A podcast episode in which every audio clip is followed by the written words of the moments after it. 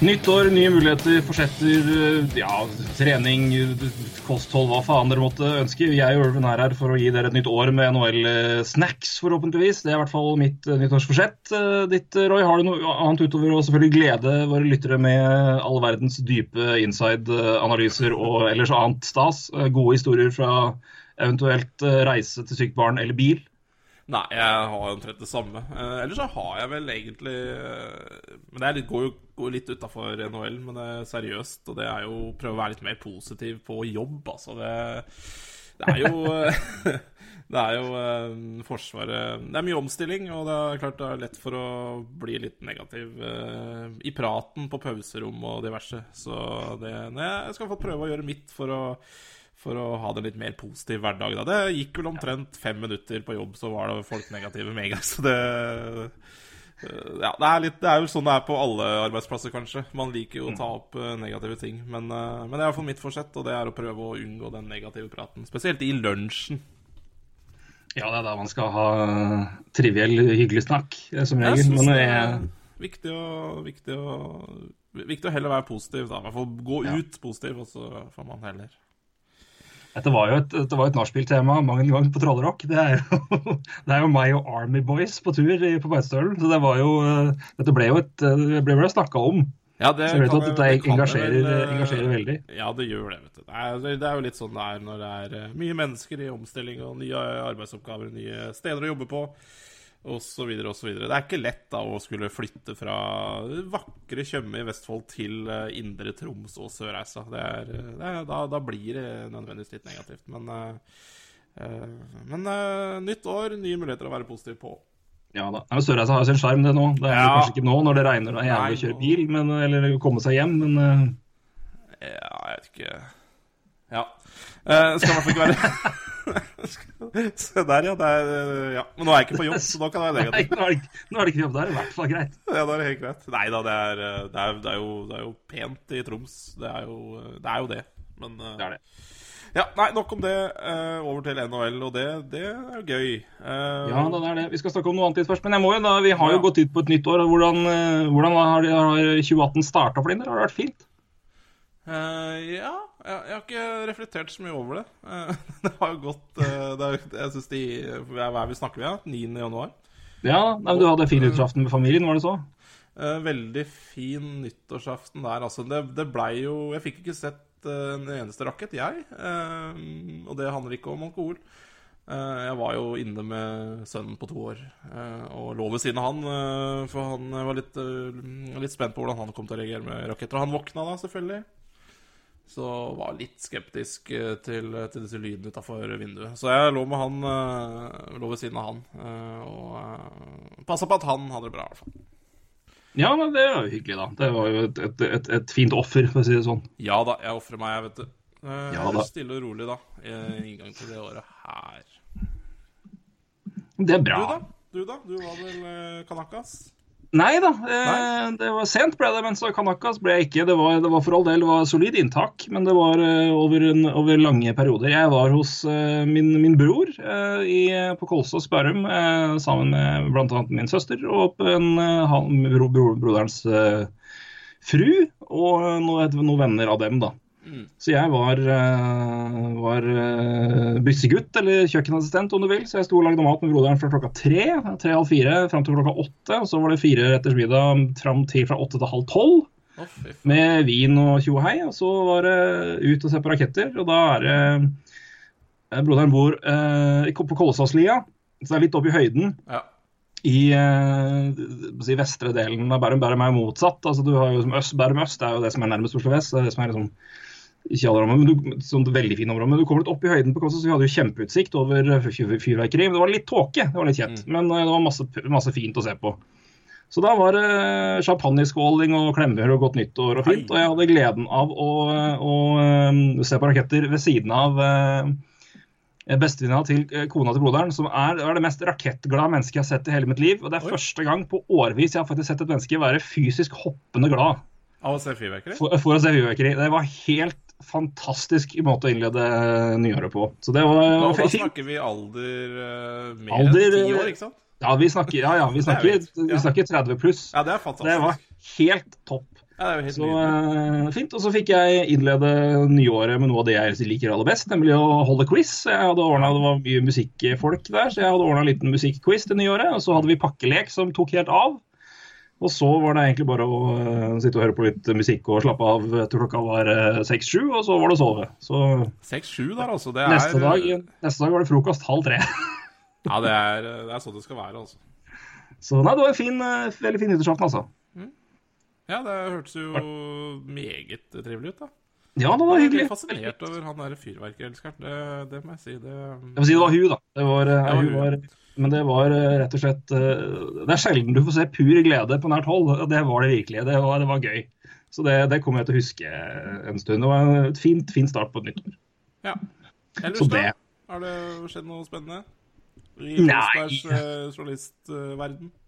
Nei, jeg er, blitt, jeg er blitt mester på snøjournalistikk. da. Det snør jo noe så inn i helvete i Kongsberg. Det er altså så mye snø at du aner ikke. og det er, altså, det er, Jeg er kjempeglad for at det endelig liksom er ordentlig hvit vinter. Det har ikke vært en plussgrad her siden omtrent høsten. Ja.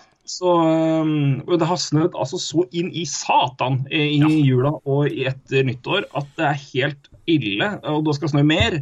Så jeg har altså da laga så mye saker om snø at du vet ikke. Og det verste er at det faktisk er interessant. Mm. For det er så mye snø. Vær, altså. Det, det, det er gøy. Det, det, er, det koker jo helt. da, og så er det I dag har jeg faktisk laga sak om hvor man dumper all snøen. For det, du må jo fjerne jeg, altså, jeg gjorde en måling på dette, her, fordi det er jo, de måker jo og lager jo, som alle sikkert vet, i sentrumsområder. Du måker og, og opp i sånne digre hauger på forskjellige områder, altså forskjellige steder i byen. Ja, ja. Det gjør man all- alle stand. Men det her må jo fraktes vekk på et tidspunkt før det kommer mer snø. For du kan jo, du kan jo ikke bygge ja, Empire State Building i snø tre steder i byen. Nei.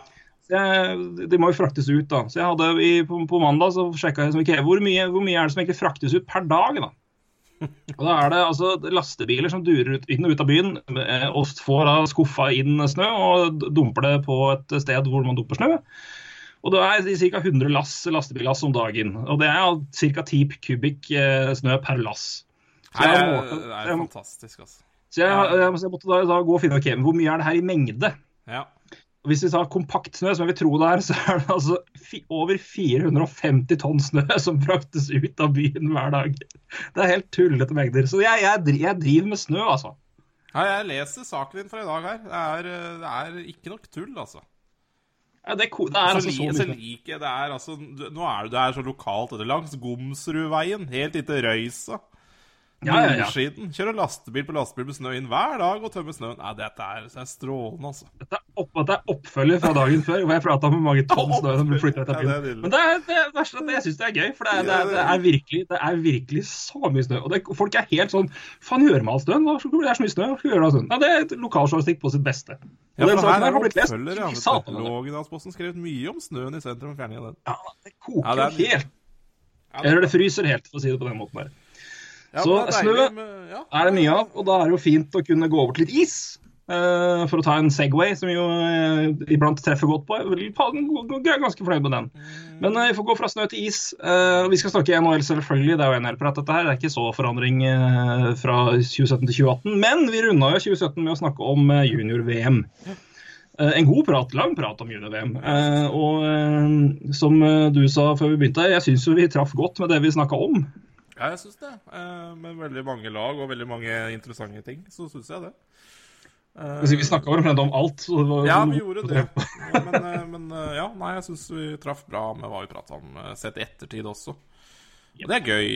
Det er moro. Men for å ta, ta det mest opplagte først. Junior-VM er da ferdigspilt, selvfølgelig. Det ble ferdigspilt 5.1, og Canada vant 3-1 i finalen mot Sverige. USA ble nummer, nummer tre, vant 9-3 i bronsefinalen mot Tsjekkia. Um, og det var sånn Det var medaljene. Da, Vi hadde ikke vi hadde rett topp tre, i hvert fall. Det var kanskje ikke så fryktelig vanskelig å tippe, men vi bomma på rekkefølgen. Ja, vi gjorde det. Men skal sies at den var uh, det, Ja, det var var vel, det var vel litt tipping på stedet, men uh, Ja, og så syns jeg jo Sverige var bra i finalen, eh, men eh, Og jeg syns kanskje Sverige var best, eh, fem mot fem. Men eh, Så jeg syns kanskje utvisningen avgjorde litt. Jeg vet ikke om du har sett finalen, men, eh, men Nei, jeg har sett høydepunkter, har jeg fått gjort det? Jeg har sett høydepunkter, fra hele, jeg har sett høydepunkter fra hele mesterskapet, men jeg er ikke sikker på om jeg fikk sett høydepunkter fra finalen. I så fall skal jeg gjøre det med en gang vi er ferdig, for det vil jeg jo selvfølgelig se. ja, nei, Men Canada vinner da 3-1 mot Sverige, som sagt, da, og tar, tar gull igjen. Eh, men du er jo den som er eh, det mest hype på dette her av oss to. Eh, Vi liker begge to, men du syns dette er noe av det morsomste du vet. Ja. hvorfor, hva syns du om VM totalt, da? Juni-VM i det hele tatt? Jeg syns det var uh, veldig bra som vanlig. Jeg skal bli litt ålreit å komme bort fra Bort fra Nord-Amerika nå, tror jeg. Fordi jeg syns det så litt stusslig ut på tribunen her innimellom. Men den, klart den utendørskampen var det jo mye folk. Men Og der var det jo enda flere som kunne komme inn, men det var jo én trøbbel med på grensa og to trafikk eh, Det var jo blokade på veien eh, inn fra Canada til Buffalo Mm. pga. en trafikkulykke. Så det var jo sportsjournalister som ikke kom seg til kampen for de ble stående fast i trafikken.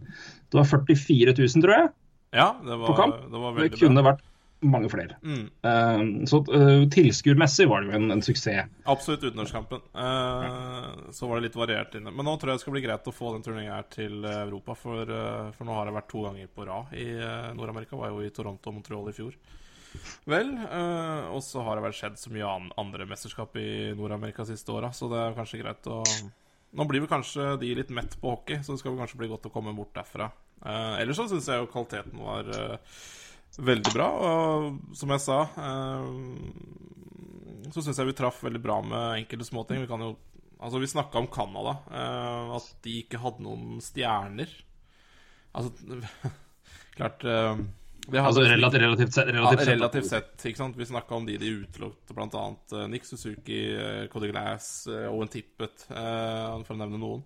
Mm. De hadde liksom ikke den uh, go to-spilleren da som mange andre lag Nei. hadde. Uh, men, men de hadde et jævlig jevnt lag, og det så man jo i mesterskapet også.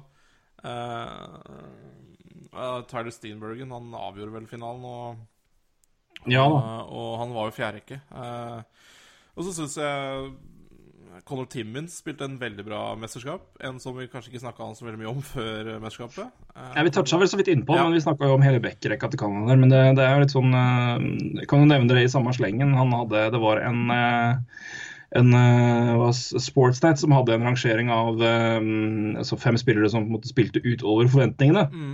Og da Conor Timmins ble jo da nummer én der. Ja. Eh, det er fortjent.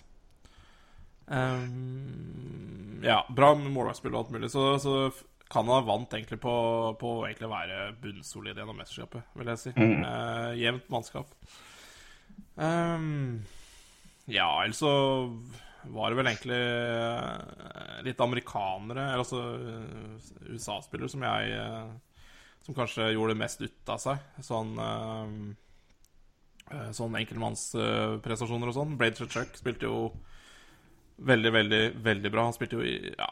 Jeg, men det var veldig mye snakk om Casey Middleset. Da. Han ble vel MVP. Eh, meget fortjent. Um, ja, elleve ble- poeng på sju kamper på Milstedt. Ble toppskårer sammen med Martinecas. Tsjekkeren ja. som også hadde samme, men hadde ett mål mindre enn sist mer. Det Um, så det er jo solid bra nytt for uh, Carolina Hurricanes, som uh, jo absolutt trenger gode unge spillere, for det har de jo ikke nok av.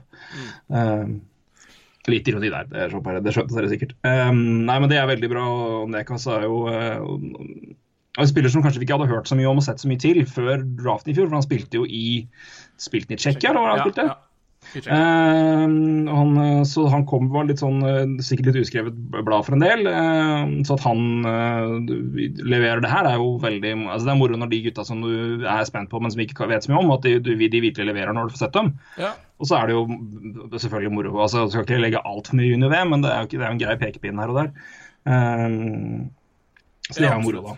Ja, Klim Kostin, Klim Kostin det samme for øvrig, med åtte poeng på fem kamper for Russland. Ja, og en lagkamerat av Nechka som vi snakka om i sendinga. I hvert jeg eh, synes jeg gleder meg veldig til å se. Filip Sadina. Han også var jo enorm. Han var jo årets eh, Ja, Hvis man så junior-VM i fjor og så Nico Hischer, eh, så var vel han Filip Sedina var vel kanskje årets type Eller årets versjon av Nico Hischer. Herja jo fælt. Og, eh, og ble jo prøvd Altså, eh, Tsjekkia hadde egentlig et ganske spennende lag. Altså, jeg syns de, uh, de spilte veldig bra sammen. Uh, Det var tydelig at de, det laget her har de uh, har de, altså Det her er vel et lag som altså Grunnstammen av det vant vel Ivan Linka for et par år siden. Og har egentlig gått gradene sammen. Og det så man litt i mesterskapet, at det var et lag som har ja, Det er rett og slett Det var mye kjemi, da. Og Ja. spilte egentlig veldig bra. Um, Kan ta fram en annen sjekker i den gjengen der, og det er jo Libor Hajek, som Ja. uh, fikk sju poeng, sju assist. Eh, og var vel en av de altså Han uh, havna også på den uh, utover uh, forventningene-lista til Sportsnett. Var nummer fire der. ja. Eh, og leverte jo en veldig bra eh, Unnskyld, åtte poeng hadde han. Eh, var eh, Powerplay QB og eh, viste seg solid fram. Han er eh, lighting-talent, så det, det er enda mer kvalmt. Til og med mer kvalmt enn Carolina, men eh, det er nå så. Um, så han òg gjorde en veldig god, eh, veldig god turnering. Så, eh, men det er moro, det. At, eh, at det kommer, kommer opp og kommer fram enkeltspillere på de lagene som man kanskje ikke forventer så mye av. At de, at de virkelig liksom står fram og, og viser seg. Det er, jo ikke bare bare å dra og, komme til mesterskap som med en fire-fem markant bedre spillere enn resten. Så er det, ikke, det er ikke bare bare å forvente at de skal levere som de skal. Er få kamper, men eh, det er mange som gjør det. Og det, det er jo veldig interessant og moro å se det når, når, når, de får det til. Um, Tsjekkia var jo det i alle fall tilfellet. De, de fikk maks ut av de beste gutta og kom seg til en bronsefinale. Det er sterkt, altså. Ja, øh, og Lavi hadde jo litt mer troa på, Finland, øh, er jo øh, var jo veldig svake. Vi snakka jo om, øh, om at de ikke hadde noen typiske sentre, og det lei de Ja, det, det, var Det merka man. Eh, Ja, en, Han er vel kanskje en av de profilene som var minst, i hvert fall i statistikker og i highlight, minst synlig. Eli Tolvanen var jo det var nesten Christian Vesaleinen som var den som leverte, det var den mest synlige der. Eller, altså, Ja, ja. Til, og med, til og med Rasanen har jo fem år, det var jo toppskårer der. ja, Men Vesaleinen gjorde det jo nesten best, syns jeg, egentlig, offensivt. Jeg synes det er helt enig. Og Resen eh, var litt interessant. Han starta vel som andre senter og ble flytta opp, og det, det hjalp jo veldig på, uh, på det. Men, uh, men da ble det jo tynnere nedover. Og det merker man. Uh... Tolvan hadde fem assist, da, for å ta med det. ja, og du ser jo, ser jo kvaliteten hans. Men, eh, men, men det ble litt for mye enkelt uh, Skulle gjøre alt sjøl, da. Uh, og det, det, det funka ikke. Uh, og så syns jeg jo Målvaktspillet til Finland var jo ganske svakt, altså. Det var, var rett og slett elendig. Heiskanen var ikke bra. Eh, Nei, og jeg litt, eh, kjenner jeg meg litt bekymra Altså, Finland har jo mye unge spillere, og mye unge spillere på vei opp, men neste år Altså, det, det finske laget her var jo i De gjorde det eksepsjonelt dårlig i fjor. Eh, de kom vel De måtte spille kamp for å gå eh, om jeg ikke husker Det stemmer. Det er helt riktig. De ble nummer ni. sånn sett så gjorde det vel litt bedre i år. men, eh, men neste år så er jo mange av de spillere her eh, for gamle. Så, eh, så, så Finland er kanskje litt eh, Det skal bli spennende å se neste år hvordan de eh, om det er ned, ned på nedrykkskvalik igjen. Altså. Men eh, det er klart det er jo Ja. lenge dit, altså. Så det, eh, men litt bekymra for Finland, kjenner jeg. Du nevnte jo keeperspillet Ukko-Pekka Lukon, beste navnet i verden. Eh, Bostons keepertalent. Han sto hele turneringa for Finland, hadde 87,8. Ja. Eh, og 3-13 mål imot per kamp. Ja, det Så det var jo ikke akkurat eh, storveis, rett og slett, må vi si. Nei, det var rett og slett dårlig, og han kosta jo Kosta egentlig mye. Eh, Nei, jeg så det, Han hadde ganske mye soft imot, altså. Jeg Ja. merka meg det på et øyeblikket. Det var ganske det. mye tamme mål. Mm. Ja, jeg syns det. Eh, USA også et lag som ikke hadde noe sånn all verdens keeperspill. Eh, de fikk vel helt greie tall, men, eh, men det, Ja, Josef Wold hadde 88,6, så Ja, det er det var ikke dårlig. bedre, det heller. Nei. Eh, hvor mye hadde uh, Øttinger, da? Øttinger står ikke her. Han hadde vel da For det, er vel de som har eh, Altså de som har spilt flest kamper. Attinger spilte nesten ikke kamper, tror jeg. Han spilte for to. Ja. Eh, Wold var starter. Så du fikk rett der, du. Du sa jo det at det kan godt hende at Wall tar den plassen der, og det fikk du helt rett i. Han spilte, se, han spilte fem kamper, han. Ja. Ja, nei, Ottinger har jo ikke noe kjempesesong heller. Um, Mm. og, nei, så, så det var litt dårlig dårligere keeperspill både i USA og Finland. Ellers så var det jo eh, helt greit. Det var egentlig tre lag som hadde godt keeperspill hele veien, og det var Canada, Slovakia og Sverige. Så det Ja. Uh, hva fikk han derre tsjekkeren, da? Uh, Josef Koronar hadde akkurat samme som eh, samme redningsprosent som Lukon, det var 87-88. Ja. Eh, men han har derimot 4,49 mot, så det kan vel hende at det var USA-kampen som smalt på et par av de måla der. Eh, de tapte jo 9-3 i bransjedalen. Ja. Så, eh, men for å si det, det var Filip Gustavsson, da, Sve- Sveriges keeper, hadde 92,4. Eh, eh, Roman Durni hadde, som var keeper for Slovakia, han hadde 98,2 Nei, nei 92,8, mener jeg. 98 Ja. hadde vært i overkant. 92,8. Ja. Som jo er Han hadde spilt jo fantastisk mot USA når Slovakia vant 3-2. Mm, stemmer. Og uh, bestemann, da, uh, som vi jo snakka om før VM, Carter Hart med 92,95. Ja. Uh, 1,81 imot, da. Um, Ja, han var, han var veldig Han var bunnsolid, egentlig, akkurat som resten av laget. Det, Ja. Så han eh, eh, Nei han gjorde det han skulle, rett og slett. Det, er, det, det, det blir jo hans jobb i den. Når du er eh, keeper for de laga der, så er det jo det å bare ikke Altså, Du kommer til å slippe inn mål, men eh, det er det å ikke slippe inn mål du burde redde. rett og slett. Og Det er jo det er jo der ut- utfordringa ligger på med, fra de beste til nest beste. at eh, de, Det er et par av de som klipper inn som bør tas. Eksempelvis er jo da kanskje det er Finland røk, da. Eh, mens Canada og Sverige hadde, hadde keepere som tok det de skulle. Mens Slovakia hadde keepere som tok fryktelig mer enn det han skulle. Og gjorde at det laget gjorde det bedre enn enn man trodde de skulle, kanskje. Men så er det greit å nevne Keefer Bellows. da Uh, jo, Fikk jo ni mål, og det er Mm. han tangerte vel uh, Jeremy Roenick sin turneringsrekord for USA. Uh, så det er jo hyggelig for Bellows. Apropos Bellows, han Jeg vet ikke om du så noen USA-kamper, men han skjøt vel omtrent på, på alt. Uh, irriterte meg faktisk litt. Selv om du får ni mål, så er ikke det dårlig. Det er ikke det. Men er folk som skal skyte hele tida, irriterer meg litt. Men, uh, men det er jo egentlig bare et godt tegn. Eh, Kan jeg, kan jeg ta det her med en gang eh, før Penguins-fansen tar deg på Twitter? Ja, men du liker jo Aleksandr Ovetsjkin. Ja, men det er litt uh, Ja, OK. Det er litt forskjell, da. Ja, jeg syns det. eh, og det er, det er som men, men det er jo som sagt, det er litt positivt med det òg. Fordi det er klart Det blir jo mål av det. Ni mål er jo veldig bra. Men så er det som enkelte situasjoner jeg bare Pass den pucken, da. Eh, Det er litt annerledes med Ovetsjkin, syns jeg. Det er uh... Det er det. Altså, det er jo, det, han, er, han er ikke vaksinert altså, han, er, han er ikke vaksinert mot å passe an i det hele tatt. Men han tar mange skudd, det gjør. Men Ja uh, han, han, har vel lov. Ja, si ja.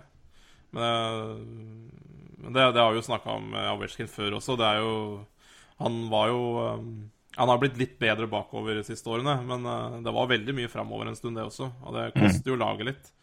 Eh, og det kan jo Selv om du skårer ni mål i det mesterskapet, her, så kan det jo koste litt at du ikke gir den ekstra pasninga som kanskje er bankers mål, istedenfor at du skal absolutt skal skite.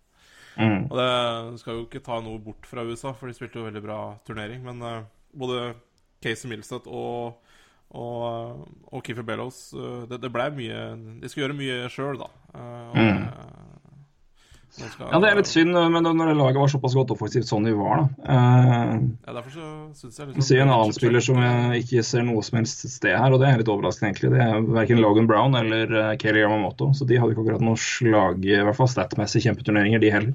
Brown var skada, så jeg vet ikke hvor mange Ja, stemmer. han fikk, Ja, han skada, eh, stemmer. Men ja, men Yamamoto er jo interessant. Han uh, hadde vel ikke noe sånn storveismesterskap poengmessig. Uh, men det er, det er jo noen spillere som Altså, altså Middlestad og Bellos tok jo mye, da. Og Tatchuk i tillegg fikk vel Fikk vel ni poeng eller noe sånt. Uh, uh, han hadde ni poeng, helt korrekt. men han er bare uh, nesten Joey Anderson hadde sju. Nestemann på USA for øvrig. Ja.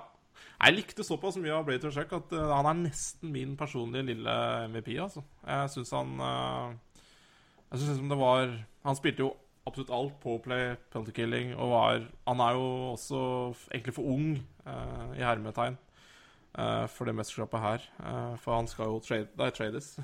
det kan godt hende. Han skal iallfall draftes til våren, og det er jo um, Det pleier jo å være en eh, 19-årsturnering der, og han er vel 17, så det er veldig spennende. Og er jo litt som sin Som sin litt eldre bror, Matt Tuchek. Eh, kanskje litt bedre Mer, mer impact-spiller, da, men, eh, men også har de eh, Har de eh, gritty tinga som eh, sin eh, eldrebror. Så artig, artig spiller, altså. Så vi skal vel kanskje Jeg vet ikke om vi skal ta en glidende overgang til eh, litt draft-rankinger. Nei, men jeg tenkte vi kunne ta altså de, de rankingene tror jeg vi kan ta, for det, det er jo et spørsmål vi skal ta til slutt. Uh, Ja. jeg. Men, det, men det, vi, skal, vi skal jo snakke om to av gutta som Det vi kunne tatt, er en glidende overgang til de som er ranka 1 og 2 for det meste i draften. Det er jo sånn, sånn sett en grei overgang fra Kitsjok til eh, Svesjnikov og Dalin. Oppsummere litt der. der. For der kom vi over noe. Vi gjorde litt eh, research eh, med tanke på et spørsmål vi har fått eh, Ja. før podkasten, og da så vi litt på draft-rankinger, og der var det eh, annet litt interessant informasjon om eh, Svesjnikov eh, og juni-VM. Men, eh, men, du, men eh, du kan jo se først ditt inntrykk av de gutta der under, eh, i VM. Nei, altså de gjorde jo seg ikke bort i det hele tatt, men det, var, viste seg ikke på kanskje Det var kanskje ikke hypen verdig. at Dahlin, Dahlin ser det jo Han gjorde jo noen ja, enkelte ting som du har sett uh, fra highlights reel i, i SOL, der han eh, kan egentlig drible seg gjennom et helt forsvar. Det gjorde han jo nå også, men, uh, men han ble jo også jeg skal ikke si han var uh, borte enkelte perioder, kanskje helt, men litt. Uh, Svesjnikov snakka jo også jo litt før sending her, og det er jo Han er jo også litt for uh, han, er jo, han er jo 17 år. Uh, russerne Det var jo egentlig Det var jo faktisk først og fremst litt usikker på om helt at Russland skulle ta han ut mesterskapet her. For, eh, for det er jo klassisk Russland å kjøre litt eh, eldre gutter. Altså, jeg snakka i stad om 19-årsturnering. Det er jo egentlig det.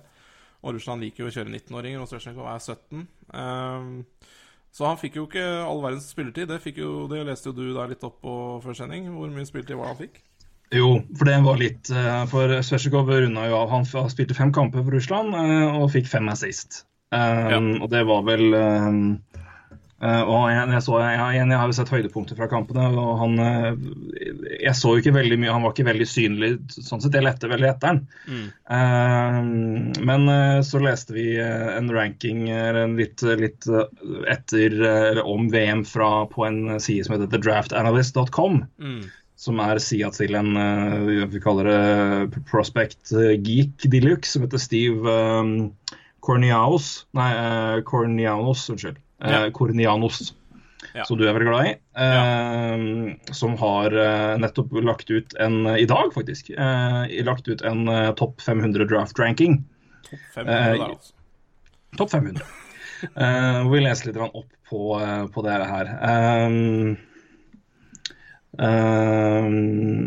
Hvordan hadde med det et punkt da, altså med at de gjorde seg ikke bort, de gjorde det bra, men ikke, ingen var helt perfekt. Dalin, man sier Dalin was physically targeted by, eh, by opposing forecheckers as the tournament wore on, whereas Sveshnikov just couldn't convince his coach to play him frequently.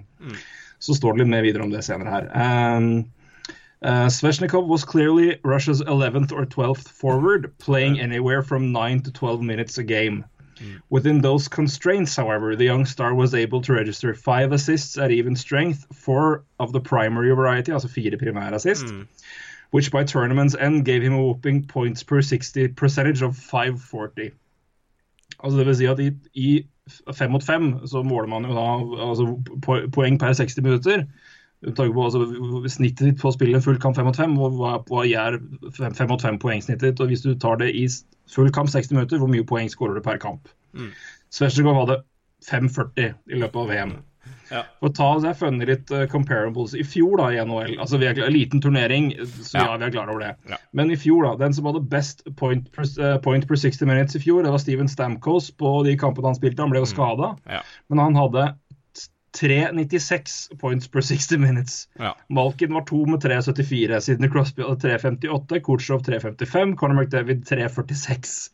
Så 5,40 er altså helt hinsides mye. ja Um, så um, litt for lite Litt for lite, litt for lite tid Eller akkurat som Stamkos, egentlig. Altså, de tallene er jo blå. Ja, for Stamkos ble jo skada. Så, det, så igjen, det, her jevner seg ut. Altså, men jo flere kamper du spiller, jo mer flyr det flat ut. Men, Men uansett, at du ikke får mer 5,40. spilletid. Ja. Men 540 er jo helt tullete. Men, altså, men det sier jo også litt om Russland. Vi snakka om dette her med Vi om det i forkant også før turneringa. Altså det med hvor mye alder har å si for Russland og trenerne.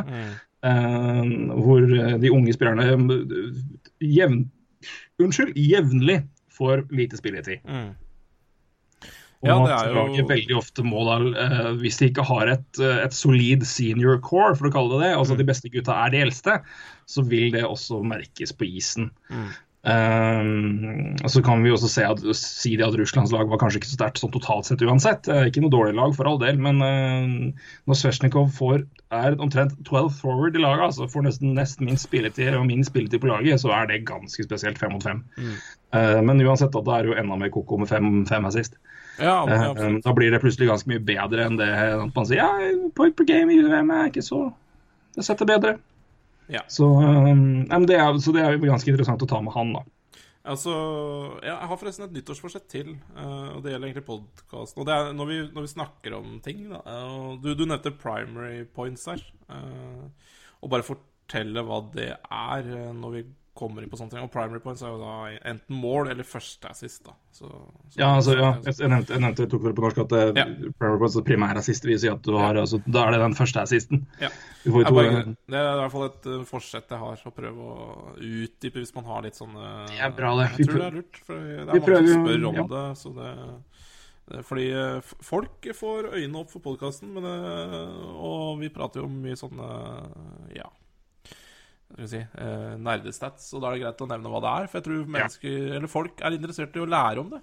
Eh, Det er absolutt det er mange som jeg har prata med, som uh, har fortalt at de har altså de hadde ikke Igjen, mye vi har snakka om som man ikke visste hva var da. og Så har man sett og, og, og lest og, og søkt opp, og vi har jo til og med iblant forklart. og Da har man blitt, eh, fått litt mer kunnskap om ting. Og det er jo det vi syns er morsomt.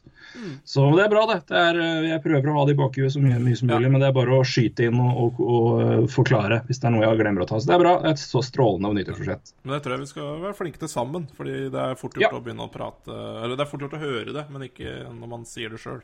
Mm. Så derfor tror jeg, jeg tror det er litt lurt. Yes. Du, vi må nesten hoppe videre Ja, fra det juni-VM, men før det så skal, vi, så skal jeg spille Har du hørt verdens beste intervju? Uh... altså, det er, det er artig spørsmål, det. da Eh, Nei, det kan jo godt hende jeg har hørt det, men eh, dette her er intervju med uh, Sveits-trener uh, Ja. Christian Wolwend. ja. Mo Har du hørt det? før Canada? før Canada. Ja. Du har hørt det? ja. Ja. Kan jeg spille det uansett? Ja, ja, selvfølgelig kan du det. Dette er altså, som jeg sier, dette er eh, Sveits skal møte Canada. Det er jo kvartfinalen, er det det? Eh, Ja, han hadde ikke Eh, trua. og det skal Christian Wolven prate om i et intervju med TSN. Ja. Og det høres sånn ut. like a, a, a Canada team who uh, dominates us again, and we try to uh, hold against. What did you learn about them in the pre-tournament game you played? Learn uh, that we are far away from them. They're uh, faster, they're bigger, they're stronger, they can shoot better, they can pass better, they can do everything better. Is what you'll tell your team? Like, what do you say to your team? Exactly that. and we and uh, to try to fight against. What, we, what, what I want to say, is that, you know, they have like uh, I don't know, how many uh, other first rounders that they have? How many? Huh? And the rest in the second round? Huh? And one in the fourth round who play like uh, the most NHL games so far. So what do I want to tell against? This, this we just a battle, a battle, and try to battle. We had one in the fourth round too, one, and the rest is not drafted. Is it good though that you can kind of be the underdog and no pressure? But pressure, I, I, I don't know that word. Ja, det, det må jo elske må så gøy! må jo elske denne Det er så jævlig gøy! ja, selvinnsikt, da. Ja, ja. Men, det er jo- men se for deg den peptalken før kampen med gutta, da. Nei, dette her taper vi. Nei, men, men det er jo det som er altså, det, det, er det, som er, det er det som er for folk. og der, det, det er, Jeg tenker nok sikkert mye mer innom det med tanke på at en del av jobben min er jo å prate med altså, det- jeg prater med folk eh, ofte om sport, og jeg har jo også til og med prata med folk på litt høyt nivå om ting. og det er jo i hvert fall på sånne ting her de snak, altså, det her er jo, altså Hva faen skal han si for noe? En, det, altså, det, er, det er en strålende soundbite. Det er, kjempe, altså, det er jo helt sant. Ja, ja. Igjen, det her er jo det han sier til og det her er jo, altså, Han legger jo alt i vei altså, Laget hans taper jo ikke en puck på dette. her, for Derfor han har fått kritikk på at han liksom han, for at han, eh, at han eh, ikke gir laget sitt noe cred. og han bare han tråkker ned eget lag. Og, men han, det, er, de, det er jo ingen verdens press på det laget, her, som han sier. og det, Han har jo sikkert en helt annen peptalk med det her i bakgrunnen. liksom, Men han sier altså vi må, altså vi vi må spille vår beste kamp alle sammen noensinne for at det skal funke. Men vi må, vi må jobbe og vi må ta dem. Det er ikke uovervinnelige. De er jævlig gode, men de er ikke uvinnelige. Men Nei, vi må... så må du ta dem på, ta dem på innsats og ikke på og, det er klart, eh, det også er jo å selge inn en kamp, så det Nei, men verdens beste intervju. Jeg Nei, jeg er helt enig. Det er fantastisk. det er- helt... Jeg digger det. Så øh, ja. Nei, men da øh, går vi til NHL, som øh, nå er Vi kan vel si halvveis. Ja. Eh, I hvert fall er det majoriteten av lagene. Altså Det ligger jo mellom 40, 41 og, 40, eh, og 44 kamper. 45. Så vi må vel, det er kun Boston som har spilt 40 kamper. Resten har spilt 41 eller mer. Eh, Otto har spilt 40. Så begynner jo laget å ta sånne bye weeks nå, så da Nå er Bioweeks i gang eh, for det meste, så det er vi som spiller fantasy ser jo det at det begynner å bli veldig tomt. Ja, det er et par uker nå som blir litt tomt for en del lag, ja. Så eh, sånn er jo det. Eh, Men vi er jo halvveis nå. Eh, Vi kunne sikkert snakka om veldig mye, men og det er noe som Men jeg vil Vi skal snakke om én ting halvveis, så må det nesten si at vi må ta tre minutter, kanskje mer, om, om Vegas Golden Knights, som nå har spilt 41 kamper. De er altså halvveis. De har 60 poeng. Ja. De har altså paced og ha 120 poeng i regular season. Mm. De leder vest. De har i sin egen divisjon 12 poeng ned til San Jose, som er tredjeplass i Pacific. Og Anheim er eh, neste i wildcard race. De er, eh, ligger på 47. Mm. Og de har spilt to kamper mer enn Vegas. ja. Er um, Det, det, jeg vet ikke om jeg kan komme på en, en, en, en stretch, altså en sånn halv sesong på et lag. Og jeg, jeg, jeg inkluderer Washington i fjor når de var på sitt beste, for det var kriseimponerende. To år siden var det kanskje, når de hadde tidenes beste regular season, omtrent. Jeg, jeg, jeg er så imponert, jeg. Ja. Det, det, er, jeg, uh, det er litt vanskelig å finne ord for det, da. Eh, eh, og, det, og det er liksom ikke noe blaff heller, for, for hvis du ser litt bak uh, poengene også, så, så har de Jeg måtte rett før her se Altså, de, de, de, de har veldig bra possession-tall. Eller veldig bra, så de har Altså, det trenger ikke å bety så veldig mye, det. High Kings eh, i fjor. Men men sånn igjen bak der også ser man på f.eks. skudd for og skudd imot. Altså de er på plussida der. Eh, Skyter nesten 33 skudd eh, for per kamp. Nesten 31 imot. Det er to pluss. Det er veldig bra. Eh, så, så det er liksom ikke Det er ikke noe blaff, det her heller. Det er ikke noe sånn uh, PD-Oven er helt uh, skandaløs høy eller noe heller. Så det Uh, Nei, det, det er morsomt, da. Eh, og spesielt så syns jeg jo uh, ja, jeg, jeg har slitt med å finne ord for det, hvor, hvor artig det er. Og det, det er så viktig også for, for, for NHL. eh, og det har jo også George McPhee også uttalt, at det, det her eh, det, her, det her ville de, eh, og det her trengte ligaen. Eh, de trengte ikke noe expansion-lag her for å bli eh, jævlig dårlige. eh, og Eh, og Vegas trengte det som by. eh, og egentlig interessen for laget og framtida. Trengte at man egentlig kom Altså, ikke, gjør- kanskje ikke gjøre det så bra, da, men, men klart å gjøre det helt greit. Og kanskje komme inn i et sluttspill. eh, og kanskje en fjern drøm og sånne ting. Og det, det er jo helt riktig. Det er kjempeviktig for ligaen, og det er kjempeviktig for framtida til Vegas. I hvert fall nær framtid. Sportsfans glemmer jo fort, men, eh, men det her er jo fantastisk. Eh, De har skåra 143 mål, som er Ja. kjapp, kjapp telling er tredje best i hele NHL. ja. Altså, nå, da er det sikkert noen lag, kanskje et lag som har spilt én kamp mindre, som har skåra to mål. Nei, det er ikke det. ellers. De har, de har tredje beste i, i ligaen der. Mål imot er de også blant ligaens beste. De har 113 imot. Skal jeg Ja. sette telle kjapt her. Det er altså 1-2. Nashville har likt, så da tar jeg tre for å være kjip. Eh, Fire-fem. De er, altså, fem lag har bedre. De er nummer seks da, i mål imot og nummer tre i mål for. Ja, eller sett på en annen side, altså goals for per game, da, så er det jo nummer to. Ja. Og det er jo uh, Ja. 3-44 mål for per kamp. Så det mye, er altså. veldig bra. Og så er de uh, Mål imot per kamp er de vel litt dårligere, men de er vel nummer 11, og det, det holder massevis. Nei, det er veldig, veldig bra. Bare for å spinne folk på Unnskyld, unnskyld. Fullfør poenget ditt. Nei, jeg, Hvorfor- det, det, jeg synes bare Tenk på de mål imot, og jeg bare tenker på alle de målvaktene de har kjørt også, så er det jo fantastisk. Takk, det var akkurat det jeg skulle snakke om. For jeg, la meg, la meg du skal, Nå skal du få tid. Det er 41 kamper. Ja. Hvem har stått flest kamper? Uh, nei, vet du, har tolv, da. Uh, Ja. Eller noe sånt noe. Um, Han har tolv kamper, det er helt riktig. Eh, jeg vet ikke hvor mange Subhaan fikk. Jeg, jeg det veit ikke. Er det Jeg kan si at det er delt førsteplass. Malcolm Subhaan og Maxim Legacia har spilt 14 kamper hver. Malcolm Ja, det er- har 12, Oscar Dansk har 4. Uh, Ja. Nei, det det er er jo litt sånn game, nei. game startet. Det er 13 Subhaan, 12 Fleury, 3 dansk, og Legacy har vel da 14, da, tipper jeg. Ja. Eh, eller, eller 13. Eh, jeg har ikke kjapp hudregning, så klarer jeg ikke ta det fort. Men eh, Fleury har det stemmer vel det. Fleury har, men Fleury har fall starta 12 og, og spilt 12. Men, nei, men Maxim Legacy altså, som har spilt 14, 14 av de 40, 41 kampene er med Maxim Legacy i mål, som hadde 87,2 redningsprosent. ja. Og så er det men bare å se med, med resten her, da, når de har spilt med første til tredje keeper. ja. Uh, uh, Fleury, eh, games played, game started. 12, ja. Ni seire. Dansk, eh, games played eh, altså Han starta tre kamper og vant alle tre. Så ble han jo skada i kamp fire, så den teller jo egentlig ikke helt. Um, uh, og Subano starta, han starta 13. Mm. 11 seire. ja, det er helt rått. Så de, helt, de, tre, de tre, altså keeper 1, 2, 3, har, har starta Hva blir det?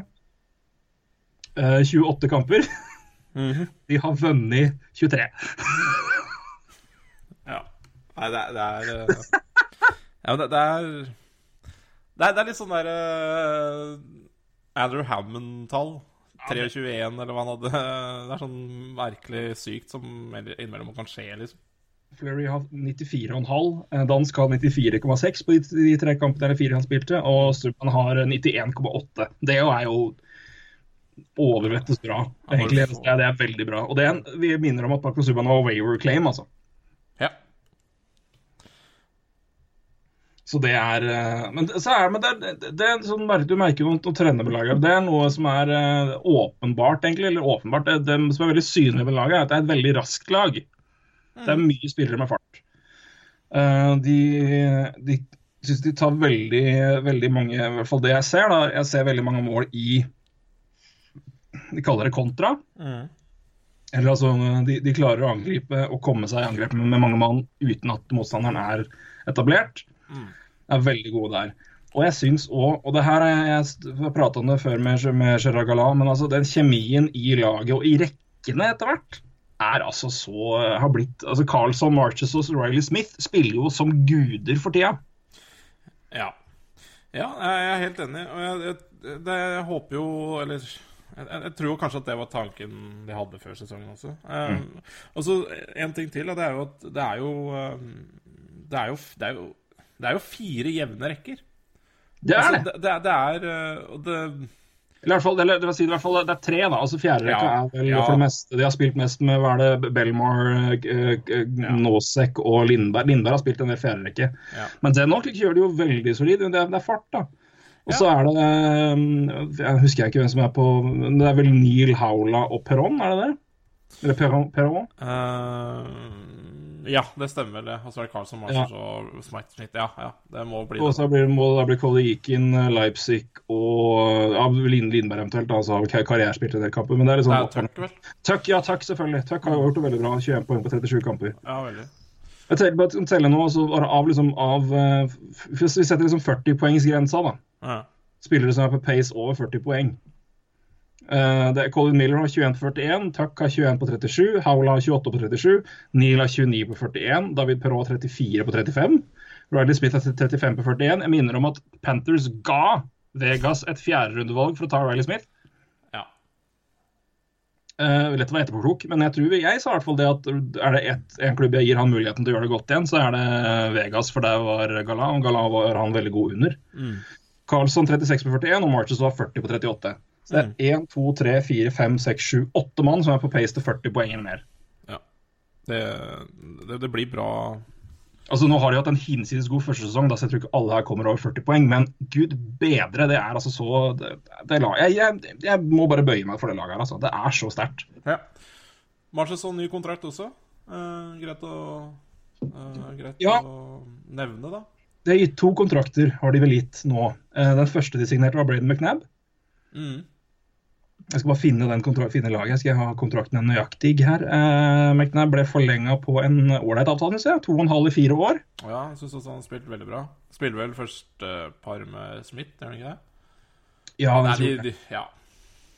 Så, men, igjen, det, det, men det er jo smart da, å kunne etablere hvem er det du vil ha med videre. Hvem vil du gjøre noe med. Og det, synes, og det, altså Braden McNabb hadde 1,7 Mm. eh, og får nå 2,5 i fire år. Det er prima altså, for en Braden McNabb-back. Det er kjempebra. Jeg syns kontrakten er helt topp. Eh, dreper deg langt ifra. Marches fikk eh, var det fem millioner seks år. Mm. Det syns jeg han er verdt. Ja, selvfølgelig. Ja, altså med den sesongen han hadde i fjor, og den sesongen er på vei mot nå, så Ja. blir ikke, ikke, blir ikke det billigere. Jeg tror også timinga er veldig bra. Ja, det er det. Det, er, eh, også, og igjen, det, det, det, er- det er bra at de begynner å gjøre det her nå. For altså, det er mange spillere som skal, de skal eh, si- sikkert forhandle med, men også vurdere da, over, over lang tid. Eh, James Neal også vurderer vel å forlenge meg, faktisk. Ja, og det, og det skjønner jeg jo. altså Spiller som man gjør. David Perrault Men det, det som er fint med, altså, med unntak av det er at det er veldig mange av de gutta her skal jo antageligvis ikke ha så forbanna mye dyrere avtaler heller. Uh, Perrault skal kanskje ha litt mer, men altså Neil skal men, kanskje ned, for eksempel. Ikke sant? Det- Neil har fem millioner, han skal ikke, Det blir ikke kanskje mye dyrere i så fall. Men det blir Nei, ikke veldig mye dyrere. Perrault har nå 3,75, han skal kanskje ikke ha mer enn ja, Hvis du har signert Marshall til fem, da, så kan ikke David Perrault komme og kreve seks, liksom. Det går ikke. Nei. Fire og en halv, kanskje. Fire, sju. Én million opp. Bekkene kan jo bli ja, en del. Ja, ja, men jeg, jeg, jeg, du kan nok Jeg tror Perrault kan eh, kjøpe seg mer enn Marcelo også. Og det, men det er jo pga. egentlig records, da. Altså Marcelo har Ja, vel eh, jeg, Ja, jeg vil ikke avskrive at han får mer enn Marcelo. Nei, jeg, jeg, nei, det, Det er litt det, er politikk, da. Det er liksom det er sant. Men Pro har vært også veldig opp og ned, da.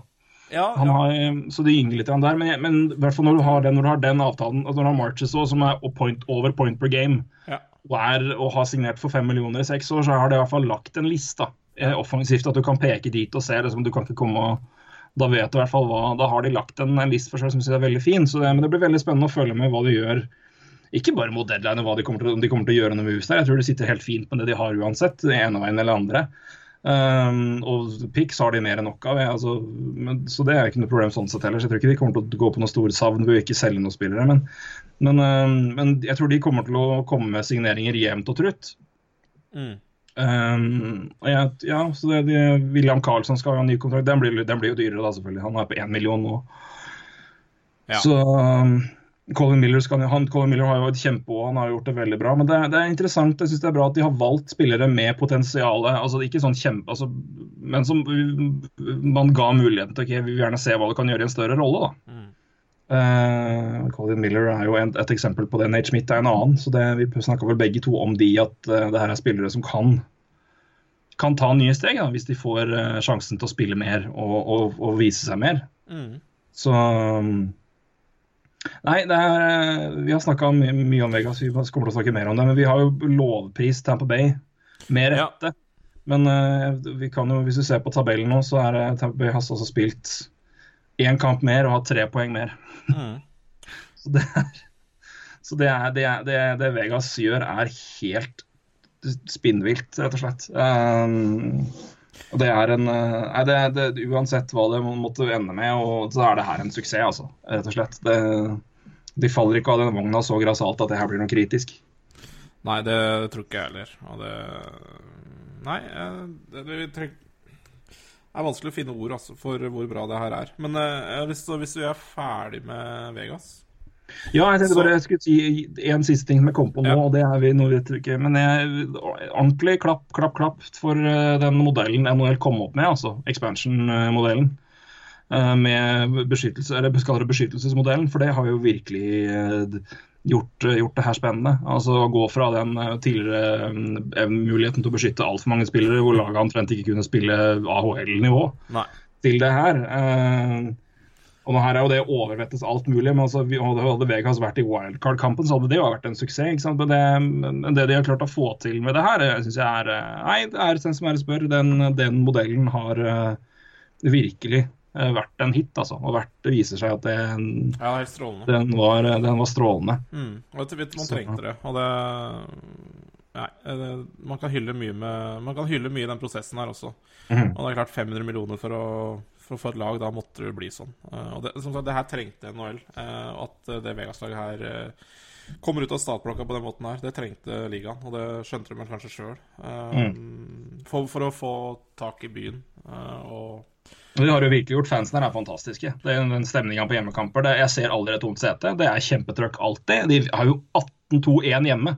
Ja, Det er jo ikke så rart. Jeg har hørt mye om eh, også, Jeg husker ikke Jeg så et intervju med en spiller her som sa det var eh, veldig bra trøkk i hallen her.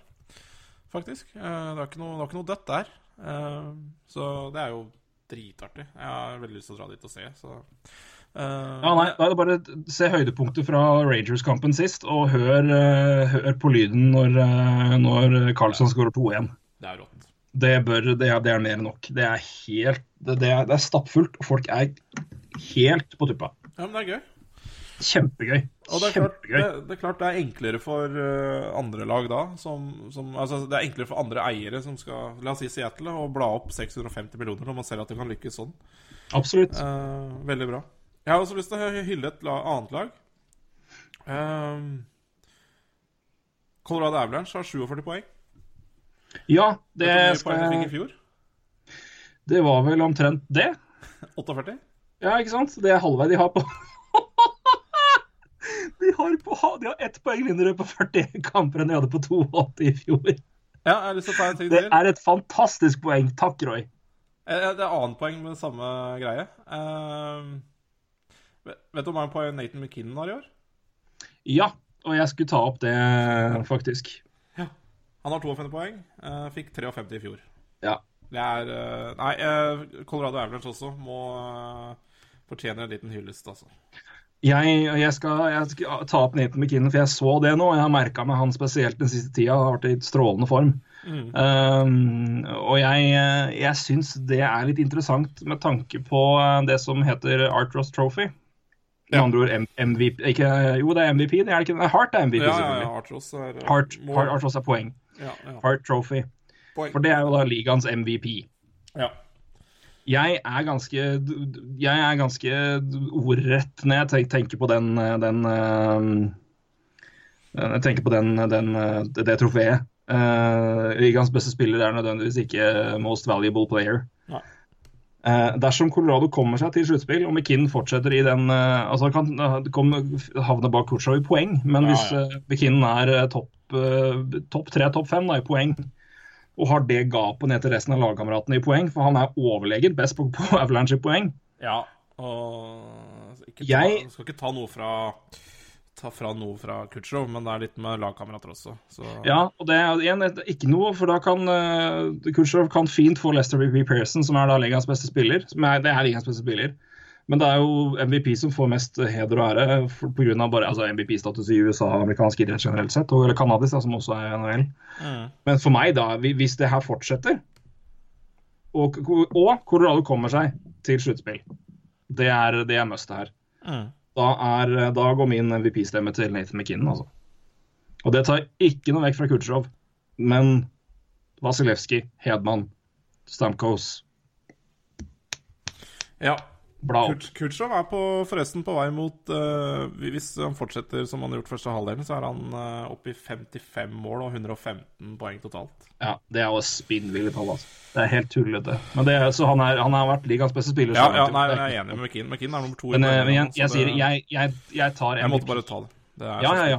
Det er, eh, men jeg, jeg, jeg tolker MVP-delen ganske Ja, ja. Knallhardt. jeg helt mener, helt enig, jeg mener jo Steve Mason kunne vært MVP når han hadde T-shirtet og tok Columbus til sluttspill omtrent alene. Uh, for det, det er liksom hvem, den, hvem er den altså, det mest verdifulle spiller på laget, og det er uh, og Crosby har vunnet det vel fortjent mange ganger, men hvis, altså, det, det er, noe med, er det noen bak der som kan ta det? Og igjen, Malkin har dratt det laget der godt når Crosby, Crosby, Crosby har vært ute. altså. Mm. Det Crosby har vært ligaens beste spiller, og er ligaens beste spiller i mange år. Mm. Men, eh, men, men det er, hvem er det som på en måte er uerstattelig for sine lag, da? Og jeg tror akkurat nå, eh, per nå i NHL, eh, tror jeg det er få som er mer viktige for sitt lag. Ene og alene enn Nathan McKinnon er. Eh, det er min påstand, i hvert fall. Ja. Jeg er helt, helt enig. Jeg Så eh, bare Du kan ta et kjapt spørsmål fra Twitter, egentlig. Fordi det handler egentlig litt om tabellen, eh, hvis du er enig i det. Eh, hvorfor hvorfor Winnerpeg er så bra kontra i fjor, har jo ikke skjedd de store forandringene for Furus lag. Eh, det er vel én stor forandring der. Og det er vel- Ja. Det Det er er vel så enkelt. fordi Ja, jeg tror det. Og så er laget, laget er et år eldre òg. Altså, du har mer, så tror jeg stabiliteten sitter mer i forsvar. Du har ikke Truba fram og tilbake. Jeg syns Forsvaret sitter bedre òg.